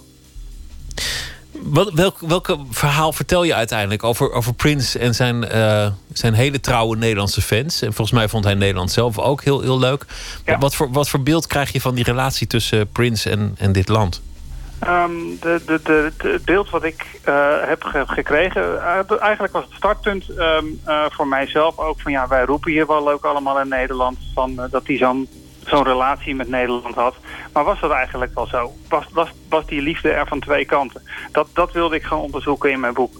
En um, uiteindelijk ben ik tot de conclusie gekomen dat dat uh, een, een, een, lange tijd ook echt wel zo geweest is. Ongeveer 1987 tot, tot nou, begin jaren 90 uh, was, was die liefde ook echt daadwerkelijk wederzijds. En daarna ja, verwaterde, dat, verwaterde dat een beetje. Maar dat, dat merkte hij aan van alles. Hij nam die films op. Hij werkte met Nederlandse artiesten samen. Hij nam op in Nederlandse studio's. ja, noem maar op. Toch, toch in ieder geval een periode, een, een, een bijzondere relatie tussen, tussen Prince en zijn Nederlandse fans. Het eerste exemplaar heb je volgens mij vanavond net ontvangen. Ja. Ja, de eerste, de eerste is uh, vandaag uh, binnengekomen. Want ik wil hem zo actueel mogelijk eindigen. De, de, de zijn komend weekend zijn, er, ehm, zijn er enorm veel herdenkingsbijeenkomsten in het land. En ja, het leek me mooi om, om, om dat boek daarmee af te sluiten. Dus ik heb er zoveel mogelijk nog in het laatste hoofdstuk weten te, te stoppen. Waardoor um, ja, de eerste vandaag bij mij is binnengekomen. Gefeliciteerd en heel veel succes. Edgar ja, Kruijsen, dankjewel. Goeienacht. Heel fijne nacht. Het aangekondigde album van Prince komt dus toch niet uit vandaag, maar het titelnummer kwam eerder deze week en dat kunnen we dus wel laten horen: Deliverance.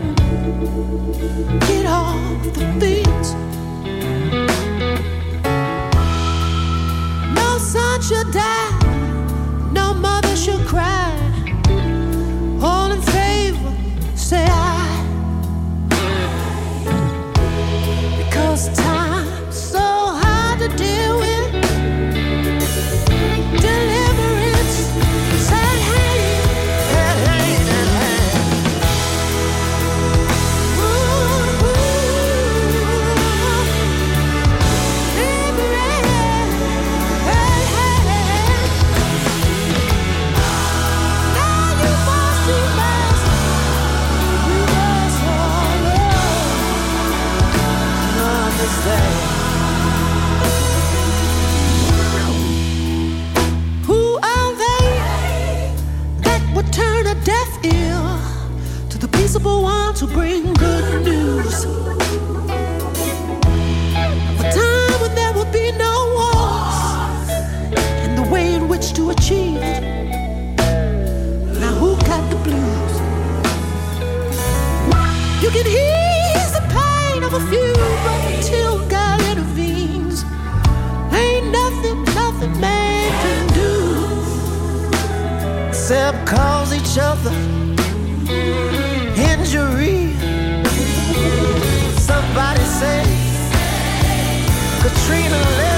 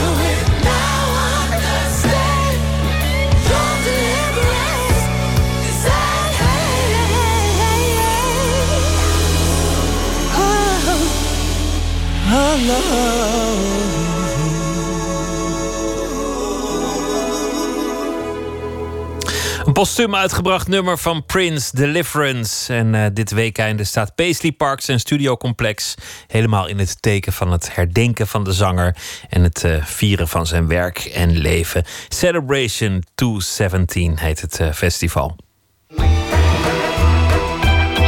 Nooit meer slapen. Tijd voor tapijten heet het. eh, in eh, Museum Het Schip een tentoonstelling. Elf kunstenaars gingen naar een asielzoekerscentrum, overal in Nederland. Om daar met de bewoners een hedendaagse variant te maken op het goede ouderwetse tapijt. Het symbool voor de huiselijkheid en de knusheid dat de hele wereld toch zal moeten begrijpen. Verslaggever Luc Heesen die nam een kijkje bij de opbouw van de tentoonstelling. En dan moeten we die buitenkant gelijk zetten. In de twee zalen in Museum Het Schip hangen elf tapijten, waarvan er geen twee hetzelfde zijn. Er is een klassiek geweven tapijt, er is er een gevild, een ander is ontstaan door houten blokken met touw aan elkaar te maken en er is zelfs een videotapijt. Een collage van gefilmde handen die samen in één beeld zijn gemonteerd. Op deze manier komt het Tibet en dan hadden we mensen, eh deelnemers uit Afghanistan, eh, Iran, Irak, Turkije, Syrië, eh, een paar Afrikaanse landen en eh, Koerdistan. Nosrat Mansouri is een van de elf kunstenaars van Stichting De Vrolijkheid die een tapijt heeft gemaakt met asielzoekers. Hij is zelf in de jaren 90 gevlucht uit Iran en woont sindsdien in Nederland. Ik kom uit een vertelcultuur. En eh, als ik ook beelden maak, dan is het, het is vertellend. Ook voor Nosrat geen geweven tapijt met leuke figuurtjes. Hij wilde zwaarder materiaal en een gelijkwaardige plek voor de verhalen van al zijn deelnemers. Zijn tapijt bestaat uit een raster van 55 kleitegels. Allemaal dieprood en geglazuurd, waarop elke bewoner zijn eigen afbeelding heeft gemaakt. De mooist gemaakte tegel is wat hem betreft een felblauwe mythische leeuw, zoals je hem op een eeuwenoude wandschildering uit Syrië of Irak zou kunnen tegenkomen. De maker, eh, Allah, komt uit I- Irak. En eh, dat is een, eh, een, eh, een, een eh, eh, her, herstellen, herbouwen van een stukje culturele erfgoed die daar wordt vernietigd. Dat was ook eigenlijk onze beginpunt. Eh, mensen eh, uit oorlogsgebieden, eh, het is gruwelijk wat er allemaal daar gebeurt met mensen. Maar daarnaast wordt, het- wordt er ook heel veel culturele erfgoed vernietigd. Het is een statement om, om, om samen met mensen die juist uit die gebieden komen, om samen weer een stukje gaan bouwen, herbouwen. En als het om een statement gaat, dan moet het ook stevig gebracht worden. Kijk, tapijt is ook iets uh, die, die heel makkelijk vernietigd kan worden. Hè? Dat is iets kwetsbaar. Vluchten is uh, een uh, verwoeste herinnering, verwoeste achtergrond. Dus iets maken met, met wat zware materialen, dat is een beetje zo'n tegenstelling. Dat iets dat het blijft. Alsof ik, alsof ik graag wil dat ik hier, waar ik nu me veilig voel... en waar ik nu al 25 jaar woon, dat, of ik het wil houden en zo. Een persoonlijk verhaal dus, verankerd in gebakken klei. En je weet het, met verhalen een verhaal lokt een andere verhaal. Zodoende zijn we in een hele een, lange weg van verhalen terechtgekomen. En achter elke steen zit er een verhaal. En uh, ook transformatie van verhalen. Misschien is het niet zo'n politiek correcte uh, voorbeeld, maar de, de, eerste week zijn we met, met een groep deelnemers naar het museum De Oudheden in Leiden. Oude kunst uit Irak, Iran. Vervolgens uh, willen we terug. En een van de deelnemers die, die, die was uh, best wel uh, zwaarmoedig. Hij, hij, hij woonde alleen. Zijn gezin was helemaal nog steeds in Mussel. En dus hij keek af en toe een diep in de, in de glas. En zodoende is een gesprek, gesprek gekomen over drinken. En, en zo zijn we terechtgekomen bij uh, Gayam. Gayam is een dichter uit uit het Midden-Oosten. En, en die, die vertelt heel veel over drinken. Heeft ook een symbolische betekenis. Het dronken zijn van de liefde, dronken zijn van, naar iets dat, uh, hoger. En zo zijn we, zodoende zijn, zijn we begonnen met hem over Die hij ook heel goed kende. En uiteindelijk heeft hij ook een steen gemaakt dat je associeert met Gayam. En zo begint een verhaal en beëindigt een verhaal. Als kijker uh, word je ook getriggerd om je referentiekader een beetje uit te vergroten. Dus hoor je Gayam, oh nou, wie is Gayam? Hè? Op de 55 tegels van het tapijt zijn verschillende afbeeldingen aangebracht. Er zijn abstracte geometrische figuren, er is een klok te zien en verderop het Arabische woord voor geduld. Sommige beelden zijn minder origineel, maar in dat geval vond Nosrat het verhaal erachter belangrijker. Ja, kijk bijvoorbeeld uh, hart, gebroken hart. Het is heel cliché. Uh, gebroken hart. En uh, we waren ook van de opdrachtgever een beetje verwachten dat wij dit soort dingen niet gingen maken. Maar ik heb het toch dat kinderen laten maken. Het is gemaakt door twee kinderen en dat was vlak voordat ze uit elkaar gingen. Dus de ene orde dat ze terug moest naar Duitsland. Dus kwamen ze naar ons toe en hebben ze gezegd: we willen een gebroken hart. En zo is het ontstaan. Behalve het uiterlijk van de tapijten verschilt ook de ontstaanswijze. Jana Vucic, in 2015 afgestudeerd aan de Rietveld Academie in Amsterdam, baseerde het ontwerp van haar tapijt niet op de persoonlijke verhalen van asielzoekers. Ze kwam op het idee toen ze in een busje op reis was door de Balkan. Ik heb veel verschillende landen gehad en vooral heel veel grenzen. En ik was zelf ook veel bezig natuurlijk met uh, een weg kiezen om, om te rijden. En ik was eigenlijk uh, hele dagen bezig met de plattegrond. En zodoende heb ik toen gekozen om de Google Maps route van Aleppo in Syrië naar Amsterdam en in Nederland te vormen met de koorden als het ware. Dus dat zijn de rode lijnen in het tapijt. En uh, daarbij heb ik ook gebruik gemaakt van een andere kleurkoord, van grijs die dan het rood uh, kruist. En dat symboliseert de grenzen, de landsgrenzen. En al het witte, witte beigeachtige gebroken witkoorden... dat um, is gewoon... Het symboliseert een beetje hoe het leven eigenlijk alle kanten op uh, krioelt. En dat was net even anders dan sommige deelnemers verwacht hadden. Misschien wel een beetje naïef, maar ik had... en ook vanuit mijn eigen achtergrond had ik iets abstracters in gedachten. Maar de vrouwen die neigden heel erg juist naar die symmetrie die voor hen heel belangrijk is. Wat wel gebeurde is dat zij dan um, een soort van um, een spiraaltje maakten van wit en dan daaromheen een, een grijs randje uh, van koorden. Waardoor je weer een soort van heel specifieke vorm hebt. Um, terwijl ik dan liever een soort van grijze wormpjes in het oppervlak uh, verwerkt als het ware. Dus Ja, ik heb dat ergens wel gelaten. En dan soms toch, dan, dan ik snel nog een stukje er middenin. En dan, kon, dan konden ze er niet omheen. En dan moesten ze dat oplossen. En ik denk dat dat, eh, ja, dat was wel leuk. Het ging Jana in het werkproces niet zozeer om de persoonlijke verhalen, maar meer om het universele gegeven dat elk leven onvoorspelbaar is. We hebben het niet zozeer gehad over hun leven dat ze nu niet meer hebben. Ik ben geen therapeut en eh, eh, ik had daar ook niet zozeer een interesse in om, om daar heel erg op in te gaan. Mijn ouders komen uit Joegoslavië, uit Kroatië. En zij zijn vertrokken uit de Joegoslavische oorlog. Uh, en ik ben vervolgens in Nederland geboren. Wat mij persoonlijk ook heeft gefascineerd, omdat het ook een, een, een, een grote lijn is uh, in um, mijn eigen achtergrond, is eigenlijk juist die transitie. En dat we nooit stilstaan. Het is niet dat zij aankomen en dat dat het was. Ze krijgen verblijfsvergunning en uh, dan is het goed. Maar juist zeg maar die, uh, die liminal uh, situatie waarbij je, je nooit zeker weet of je op de plek bent waar je moet zijn. Of hoort te zijn of hoe het zou moeten zijn. Um, dat dat altijd een beetje vaag is. Vaak weet je pas achteraf. Misschien kunnen ze hier niet blijven en eindigen ze weer ergens waar ze dan juist weer uh, wel um, tot hun recht kunnen komen. Hoe interessant ze ook zijn geworden, Jana en Nosrat zijn het erover eens dat het project om meer draait dan alleen de fysieke tapijten.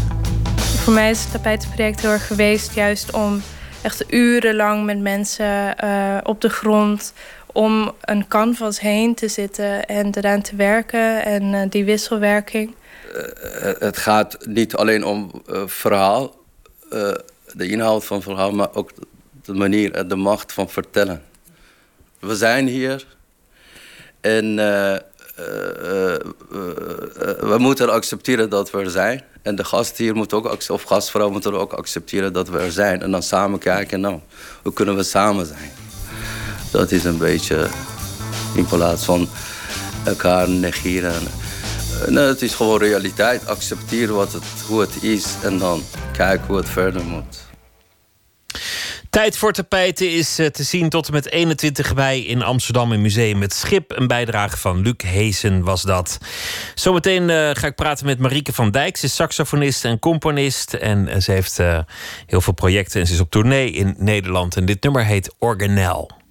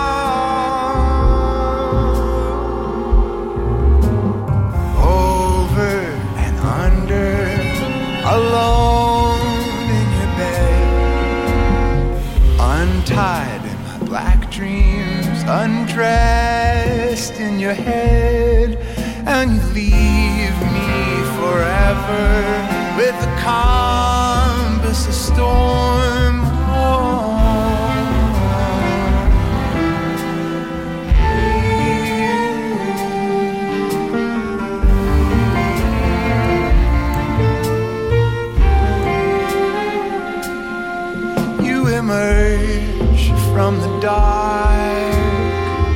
I'm afraid we don't have much more time.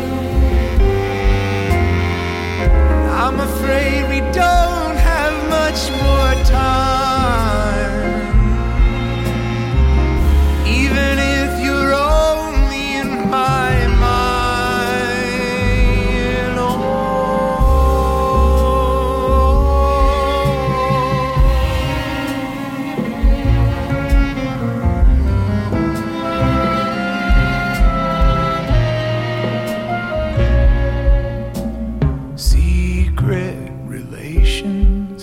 Down in the night.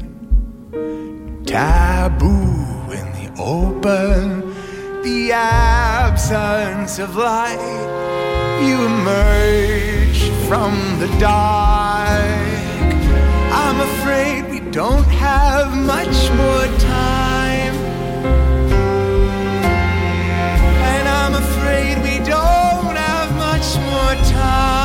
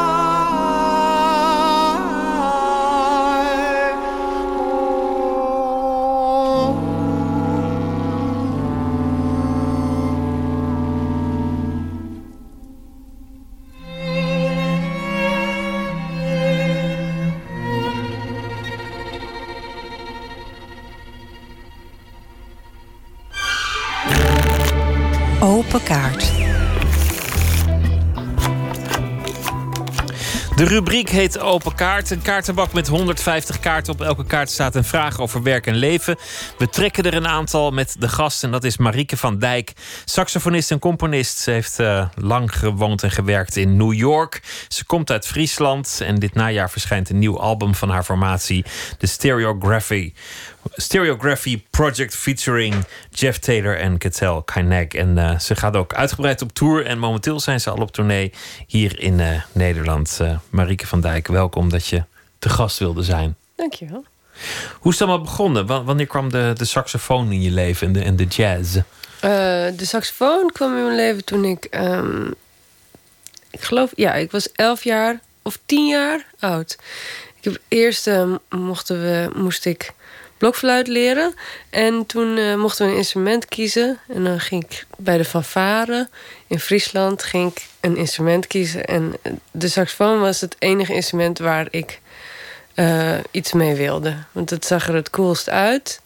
En ja, dus toen heb ik voor saxofoon gekozen. En ik geloof dat ik toen tien was, inderdaad. Dus dat is al best lang nu. Ja, dat is, dat is al, al een, een, eh, een, een tijdje van de fanfare naar, naar de jazzmuziek. Dat, dat lijkt een enorme overstap. Is dat ook zo? Eh, ja, dat is het ook. Ehm, eh, ik, ik, heb dus in, ik ben dus begonnen met uh, klassiek saxofoon spelen. En er was weinig jazz in Gaasterland, waar ik vandaan kom. Maar op een gegeven moment was er toch een big band bij de muziekschool waar ik op zat. En toen ben ik eh, daar op een of andere manier, een of andere manier bijgekomen. En ben ik eh, op die manier met jazz in aanraking gekomen. En toen eh, ben ik ook jazz saxofoonles gaan nemen in Snake. Bij, ja, dus zo is het een beetje begonnen. En je gaat verdiepen in de, nou ja, de, de grote voorbeelden in het, in het genre. En luisteren naar Charlie Parker en, en John Coltrane en Cannibal Adderley. Ja. Je kwam op een zeker ogenblik na je eh, conservatorium terecht in New York. Dat, Ja. is, dat is natuurlijk het, het epicentrum van, van de jazz in de, in, in de wereld nog steeds. Ja. Hoe was het om, om daar dan ineens tussen te staan? Eh, nou, ik weet nog, ik, eh, ik heb eerst tijdens mijn, tijdens mijn master in, op het conservatorium in Amsterdam heb ik een half jaar eerst kennis mogen maken met New York. door dus een uitwisseling met een conservatorium daar. En eh, dat vond ik in het begin echt heel spannend. Ik, eh, sowieso had ik natuurlijk nog nooit buiten Nederland gewoond. En heel, al helemaal niet in zo'n stad als eh, New York. Dus ik ging gewoon elke dag één straat verder. Dat was een beetje mijn ontdekkingstocht. En langzamerhand leerde ik dan die stad kennen en de muzici om me heen. En Ja, ik, ik keek natuurlijk altijd heel erg tegen de Amerikanen op, eh, in, in zekere zin. En toen zat ik er ineens tussen en toen dacht ik, oh, maar als ik dus gewoon heel hard oefen, dan kan ik dat gewoon ook. Gewoon een Eh, kwestie van heel hard werken. Ja, dat, dat, eh, en, en dan langzamerhand kom je er ook achter dat je ook heus wel iets kan. En dat je ook wel ergens een soort van talent hebt voor, voor dat jazzmuziek en zo. Dus ehm, ja, eh, eh, het werd steeds minder intimiderend voor mij. Tot ik op een gegeven moment er gewoon echt helemaal tussen zat. En eh, ja, dat, vond ik, dat was wel een mooie ervaring voor mij. Je hebt ook gespeeld in, in de, de echt legendarische jazzclubs daar. De Blue Note heb je wel eens gestaan. En zo zijn er nog een paar van die, van die plekken. Ja. Dat, dat lijkt me een ervaring als je daar met een, met een, een toeter om je nek op dat podium gaat staan, wetend dat een heel groot deel van die geschiedenis zich exact op die paar vierkante meter heeft afgespeeld. Ja. ja, dat is best gaaf. Best gaaf. ja, dat is best wel tof. Ja, ehm, ehm, ja ik vind dat... eh, ja, dat soort dingen zijn... Ik, ja, ik vind dat mooie ervaringen natuurlijk. Ja, wat kan, ik- kan ik zeggen? Dat... ehm, ja. Ik zit even te denken hoe dat voelde. Vandaar. Ehm, Ja, ergens is het natuurlijk ook gewoon een optreden. ja, dat we... Dat, maar het ik is denk toch ook dat, een soort gewijde grond. Misschien, misschien denk je daar op zo'n moment niet aan, maar... Ja, ja, misschien ben ik gewoon wat te, te down to earth daarvoor of zo. Dat ik denk van ja, ja het is fantastisch dat ik hier mag staan, maar eh, ja, ik geef ook gewoon een concert of zo. Ja. Je, je steekt ook veel tijd in, in, het, in het componeren. Ja. Dat, dat, is, dat is ingewikkelder om te leren. Een instrument spelen, dat kan iemand je nog voordoen en dat kun je nog nadoen. Maar, maar hoe moet je componeren en, en hoe leer je dat? En, en hoe, eh, hoe, hoe slijp je dat, die, die componeervaardigheden? Ehm, ja, ehm, voor mij is het heel veel gewoon trial and error. Dus gewoon heel veel proberen, schrijven en dan spelen. Ik, ik ben in de eerste instantie begonnen met gewoon eh, schrijven voor kwartet. Dus gewoon eh, eh, melodie en akkoorden en dan spelen met een, een jazzkwartet. En, dan, en langzamerhand werd dat steeds groter en ging ik ook wat vakken met arrangeren en ook met big band en dat soort dingen ging ik volgen. En dan leer je weer wat meer over de voicings en hoe je die instrumenten allemaal in moet passen in ehm, zeg maar eh, muzikaal technisch. Ehm, ja, dus je leert ook de instrumenten kennen, hoe ze klinken in een bepaald register. En, eh, en je, ja, het is eigenlijk voor mij eh, het ontwikkelen van een soort klankvoorstelling in mijn hoofd. Dus steeds hoe meer ik dan iets uitgeprobeerd heb, dan weet ik van oké, dus als ik dit schrijf in dit deel van dat instrument, dan weet ik dat het ongeveer eh, zo klinkt. Of het klinkt helder, of het klinkt eh, juist mi- minder eh, een beetje doffig. Of, en zo leer je steeds meer sounds kennen van, van verschillende instrumenten en ook de combinaties. Dus ehm, ja, het gaat echt om het, ja, voor mij om het slijpen, inderdaad, zoals je het zegt, van, van mijn klankvoorstellingsvermogen. Van hoe, hoe, hoe dat, dat wordt steeds groter. En ehm, ja, je krijgt toch ook wel steeds meer een, een gevoel over hoe, hoe een boog van een stuk, een spanningsboog van een stuk werkt. En eh, hoe, je, ja, hoe je daarmee om kunt gaan. En eh, wat voor intentie wil je een stuk wat alleen maar voortkabbelt? Of wil je een hoogtepunt? Dat soort, ja, dat zijn allemaal dingen waar je dan langzaam beter wordt en over na gaat denken. Zullen we beginnen met de kaarten? Hier Ja. is eh, de bak. Ik wil Ja. je vragen om een, eh, een kaart te trekken en de vraag voor te lezen die, er, eh, die erop staat. Oké, nou, daar komt ie. Praat je wel eens hardop als er niemand is? Ja. En waar gaat het dan over? Ehm, het gaat meestal over dingen die ik nog moet doen. Dus dan zeg ik hardop de dingen die ik nog, die ik nog in mijn hoofd heb, die, die ik nog eventjes moet regelen. Of eh, ja, dat, dat zijn meestal de dingen waarover ik er hardop tegen mezelf praat. Morgen het oud papier wegbrengen. Of, ja, eh, oh, ik moet nog even die bellen. Oh ja, dat, ja, eh, oh zo. Ja, zo gaat het meestal. Ja. trek nog een kaart.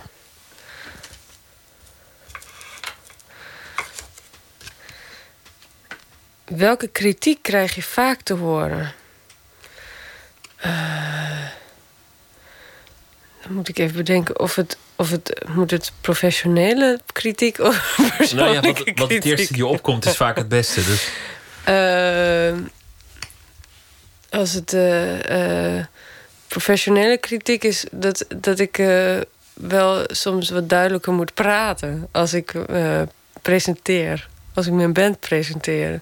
als je zegt op drums eh, eh, die en op, op bas die, dan, dan moet dat wat gearticuleerder. Ja, ik ben vaak wat te ingetogen. Wat, dat hoor ik vaak. Of dat ik te zacht praat of zo.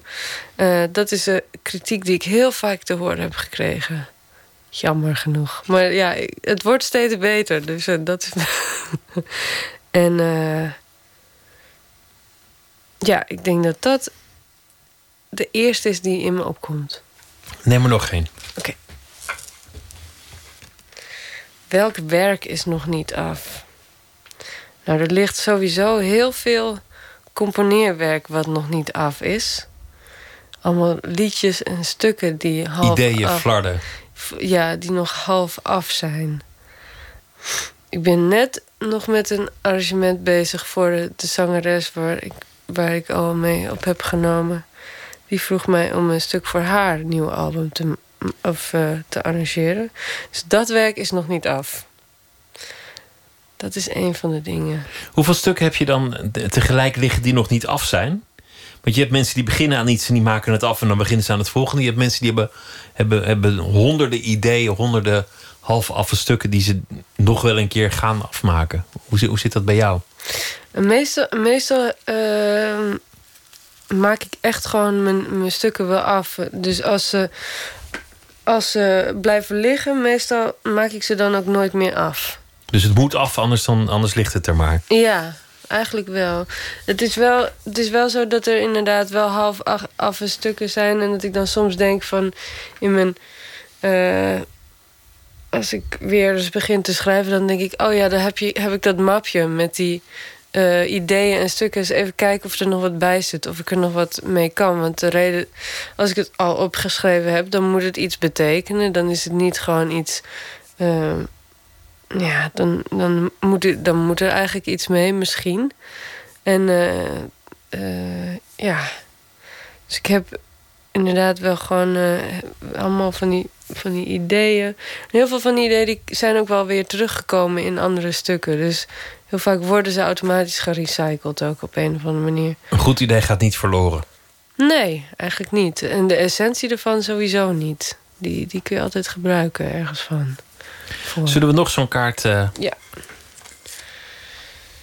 Wat was je bijbaan? Ehm, nou, ik heb heel veel bijbaantjes gehad. Ehm, maar een van mijn allereerste bijbanen was eh, postbode. Was, dat, was dat nog in Friesland? Ja. Dus dat, eh, ik heb meteen een beeld van postbode in Friesland... dat je dan ook heel, heel ver moet fietsen. Ja, dat klopt. Dan moet je dus echt gewoon al die boerderijen moet je langs. En die liggen heel ver uit elkaar. eh. En het regent altijd. Ja, altijd. Al- Nee, ja, niet, niet alleen in Friesland hoor, maar... Nee, nee, ja. Ik heb wel inderdaad wel veel tijd op de fiets gezeten toen. Maar dat was, dat was eh, maar een paar jaar. En toen ben ik vrij snel aan muziekscholen gaan lesgeven als bijbaan. Zo voelde dat.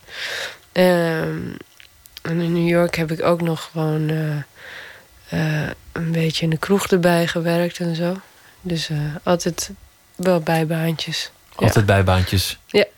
Nu niet meer? Lesgeven of, eh, of andere dingen? Ja, nee, ja, ik heb nu, eh, ik geef nu les in Osnabrück op het conservatorium. En ik heb een onderzoeksbaan, eh, baantje aan het conservatorium van Antwerpen. Dus ik- ja, dat zijn nu mijn bijbanen. Ja, het zijn ook wel goed, tamelijk chique bijbanen, maar Ja. toch. voor, voor een muzikant zijn het, zijn het toch een soort bijbanen, denk ik. Ja, nou, ik, vind, ik moet heel eerlijk zeggen dat ik lesgeven echt heel erg leuk vind. Vooral als het op een hoger niveau eh, is. Dan is het, wordt gewoon steeds leuker. Dan leer je er zelf ook veel van. En eh, die, het onderzoeken vind ik ook heel leuk. Want dan heb ik de kans om eventjes iemand anders zijn leven in te duiken. En andere muziek in te... En waar ik ook weer heel veel van leer. Dus het, ja, ik kan het allemaal gebruiken. Het is allemaal voor mij ook of zo. Voor mijn eigen muziek is het allemaal goed. Dus eh, ja. Laten we nog geen doen. Oké. Wat zoek je voor eigenschappen in een vriend? Ehm, eh, eerlijkheid. Is, eh, dat heeft ooit iemand aan mij gevraagd. Wat wil je eigenlijk? zei hij. Ik zat in een taxi in New York en toen zei hij: Wat, wat, wat wil je eigenlijk? En toen dacht ik, hè, wat gek, daar heb ik nog nooit over nagedacht. Toen heb ik daar heel lang over nagedacht. En toen kwam ik er eigenlijk op dat ik voor alles eigenlijk... Uh, eerlijkheid en liefde zijn de meest belangrijke dingen voor mij. In, zowel in, en ook in muziek. Dus ik wil graag dat het allemaal zo eerlijk mogelijk is. Uh, dat er niet, en met eerlijkheid bedoel ik dat er niet allemaal poespas omheen zit en moeilijke technische dingen of zo, maar dat het gewoon een soort uh, eerlijke overbrenging van uh, echt iets proberen te zeggen, zeg maar. Dat, een soort zuiverheid, een soort ja, puurheid. Ja, dat vind ik heel belangrijk. En, en dat, daar past het idee van liefde natuurlijk ook gewoon bij. Dat is ook een beetje, muziek is ook een beetje hetzelfde als liefde of zo. Dat past allemaal bij elkaar. Dus ik denk dat, dat het uh, eerlijkheid het belangrijkste voor me is. Dank je wel dat je wilde komen. Heel veel succes met de optredens. De komende week in, uh, in Nederland. Zondag in uh, Amsterdam in zaal 100. En daarna nog in Ankeveen. Uh, Vondel CS in Amsterdam. En nog een aantal plekken. Marieke van Dijk, dank je wel. Dank je wel. We gaan luisteren naar een uh, artiest uit uh, Parijs, Alani met Old Fashioned Kiss. Ba-ba-dum, ba-ba-dum, ba-ba-dum, ba-ba-dum, ba-ba-dum, ba-ba-dum,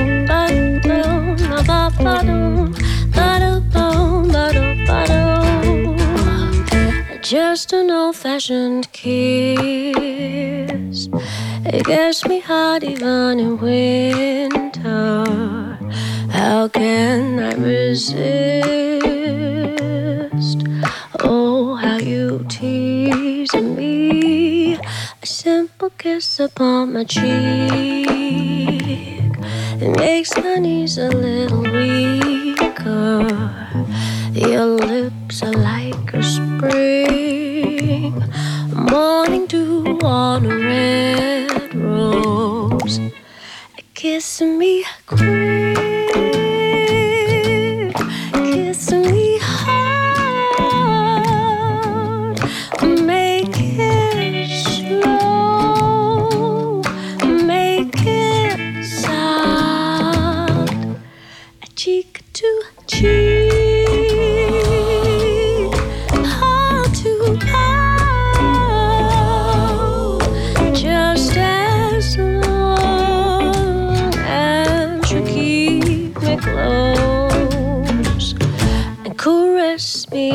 park, smooch me up in the taxi, and those lingering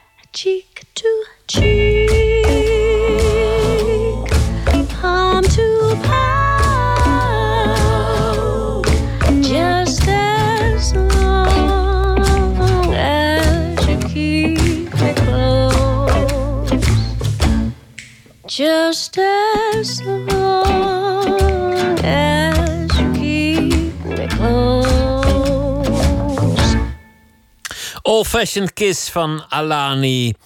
We gaan luisteren naar 1 minuut. Een reeks verhalen in 60 seconden. Deze heet 21, 22, 23. Pst. 1 minuut. 21, 22, 23. Mijn buurvrouw zei dat ze wel gemerkt had dat er iets mis was. Maar ze wist niet dat het thuis bij ons slecht ging omdat ik een andere had. Maar het, het ergste vond ik dat ze zei dat ze het had gevoeld omdat ik de laatste tijd steeds had weggekeken.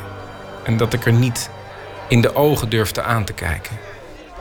21, 22, 23.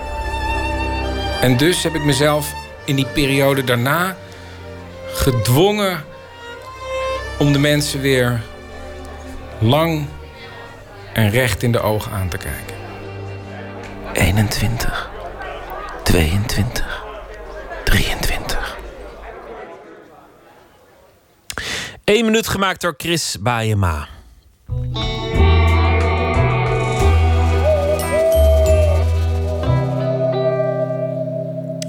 Pieter Jouk is cabaretier en tekstschrijver. Zijn laatste voorstelling heette Dingen die ik dacht. En hij is ook een van de schrijvers achter Zondag met Lubach. En deze week zal hij elke nacht een verhaal maken bij de dag die achter ons ligt. Pieter, goeienacht. Goeienacht. Ja, ik moest, ik moest nog even nadenken over het gesprek dat we gisteren hadden. Want jij zei, mensen moeten niet de belasting ontduiken. Je moet gewoon betalen, want er gebeuren goede dingen van. Ja. En, en daar had je natuurlijk strikt genomen gelijk in. Maar het lukte me gewoon niet om dat te beamen. Om, om, om te zeggen, ja, goed, goed dat je het zegt, Jouke. Wonderlijk. Ja, maar, ja, dat mag toch? Meningen verschillen, toch? Ja, nee, maar ik ben het wel een beetje eens. Maar ik, ik, Ja. kreeg, ik kreeg gewoon de juiste mening niet, niet uit, mijn, uit, uit mijn klep of zo op de een of andere manier. Omdat, omdat het toch ook een, een terechtlijnige mening is om, om, om lekker te verkondigen.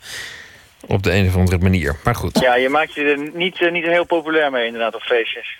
Nou, of, of, of misschien is het ook gewoon een beetje te. te, te- ja, van ja, oké, ja. Een, een soort van open deur ergens of zo. Of een, of een, of een saai standpunt, ik weet het niet. Wat heb Ja, je is vandaag allemaal? Ja, sorry? Het is zeker een saai standpunt, daar ben ik met je eens. Maar goed, saaie standpunten, daar, eh, daar kun je een land mee runnen. Dat Wat heb je vandaag? Ik heb vandaag eh, naar Radio 1 geluisterd en ik stoorde me hoe er werd gesproken over de vaderrol.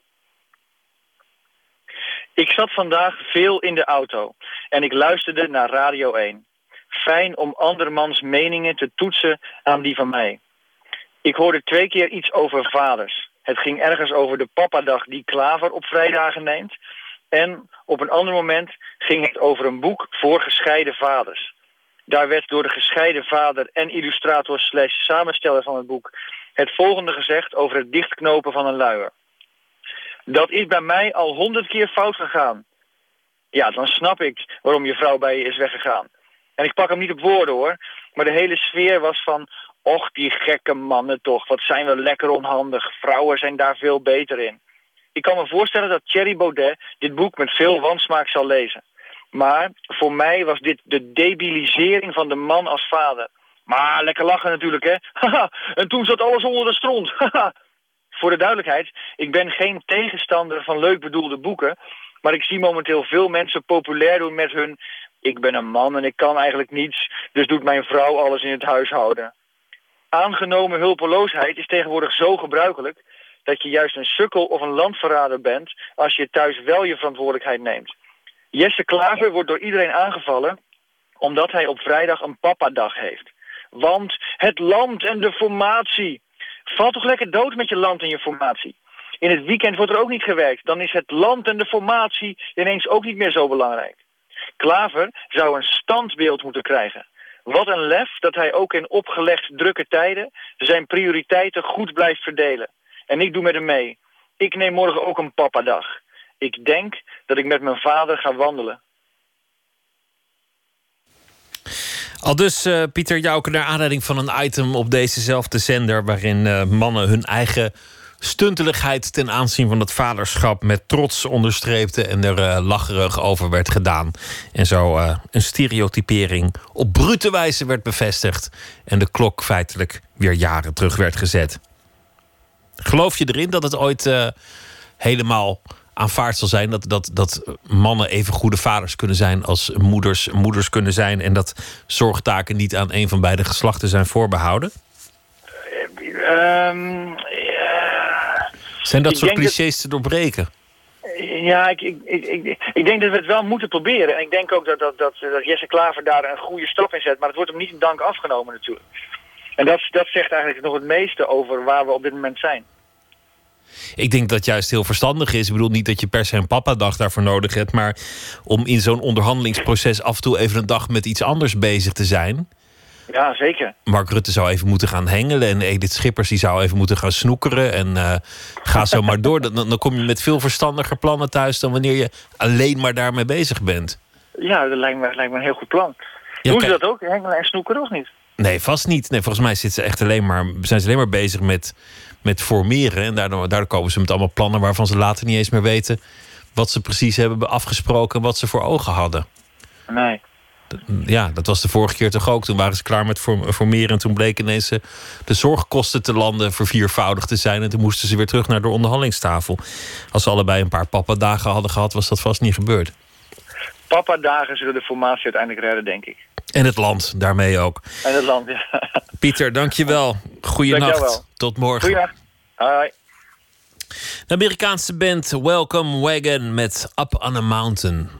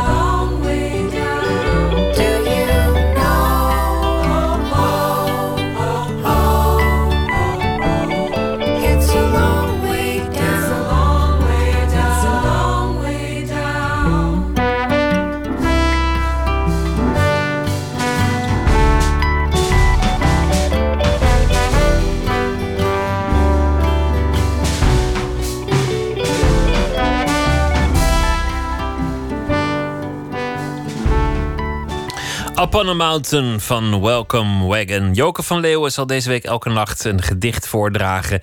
Deze heet voor JVD.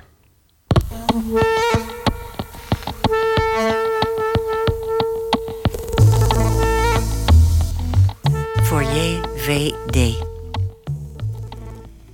Gekregen als begin een voornaam, achternaam, zo leren lopen op twee benen. Vanzelf wordt wie een leven heeft eerst groot, dan oud. Hij was verpleger voor zijn brood, zeg aan wiens bed. Zijn namennaam, die langzaam dunne code werd, zal ik die eens hard roepen op dit gras? Of in een brievenbus met toch alleen reclame? Tegen het licht in de lantaarnpalen? En dan vertalen naar bekend van toen en daar? Of schrijven in het zand bij eb met een gejut stuk hout? Dan neemt de vloed er mee, de zee van namen in, waar hoge golven ze dag in dag uit herhalen.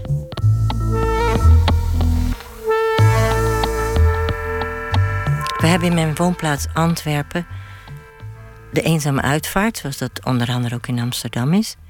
Als mensen in Antwerpen sterven zonder dat ze familie of vrienden hebben, dan gaat er een dichter mee en maakt een gedicht voor zo iemand, zodat hij niet helemaal alleen begraven wordt of gecremeerd, eh, uitgestrooid. Dit was een gedicht dat ik daarvoor maakte. Voor iemand die verpleger was geweest. Dat was een van de weinige dingen die ik van deze man wist. En dan denk je, ja, die heeft dus aan heel veel bedden gestaan. En uiteindelijk, als die zelf sterft, ja, stond er niemand. Vandaar dat ik dit gedicht heb gemaakt.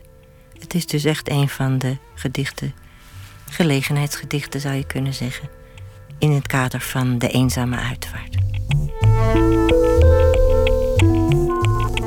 Voor JVD. Gekregen als begin een voornaam, achternaam, zo leren lopen op twee benen. Vanzelf wordt wie een leven heeft eerst groot, dan oud. Hij was verpleger voor zijn brood, zeg aan wiens bed. Zijn namennaam, die langzaam dunne code werd, zal ik die eens hard roepen op dit gras? Of in een brievenbus met toch alleen reclame? Tegen het licht in de lantaarnpalen? En dan vertalen naar bekend van toen en daar? Of schrijven in het zand bij eb met een gejut stuk hout? Dan neemt de vloed hem mee, de zee van namen in, waar hoge golven ze dag in dag uit herhalen. Voor JVD van Joke van Leeuwen. Dit was het voor vannacht. Morgen dan is Nooit meer slapen er weer met Esther Naomi Perquin. En dan komt op bezoek Margot van der Straten. Vlaams schrijver en journalist. En die gaat vertellen over haar eerste non-fictieboek. Masseltof. Over opgroeiende kinderen in een modern orthodox Joods milieu. Voor nu een hele goede nacht. Graag weer tot morgen.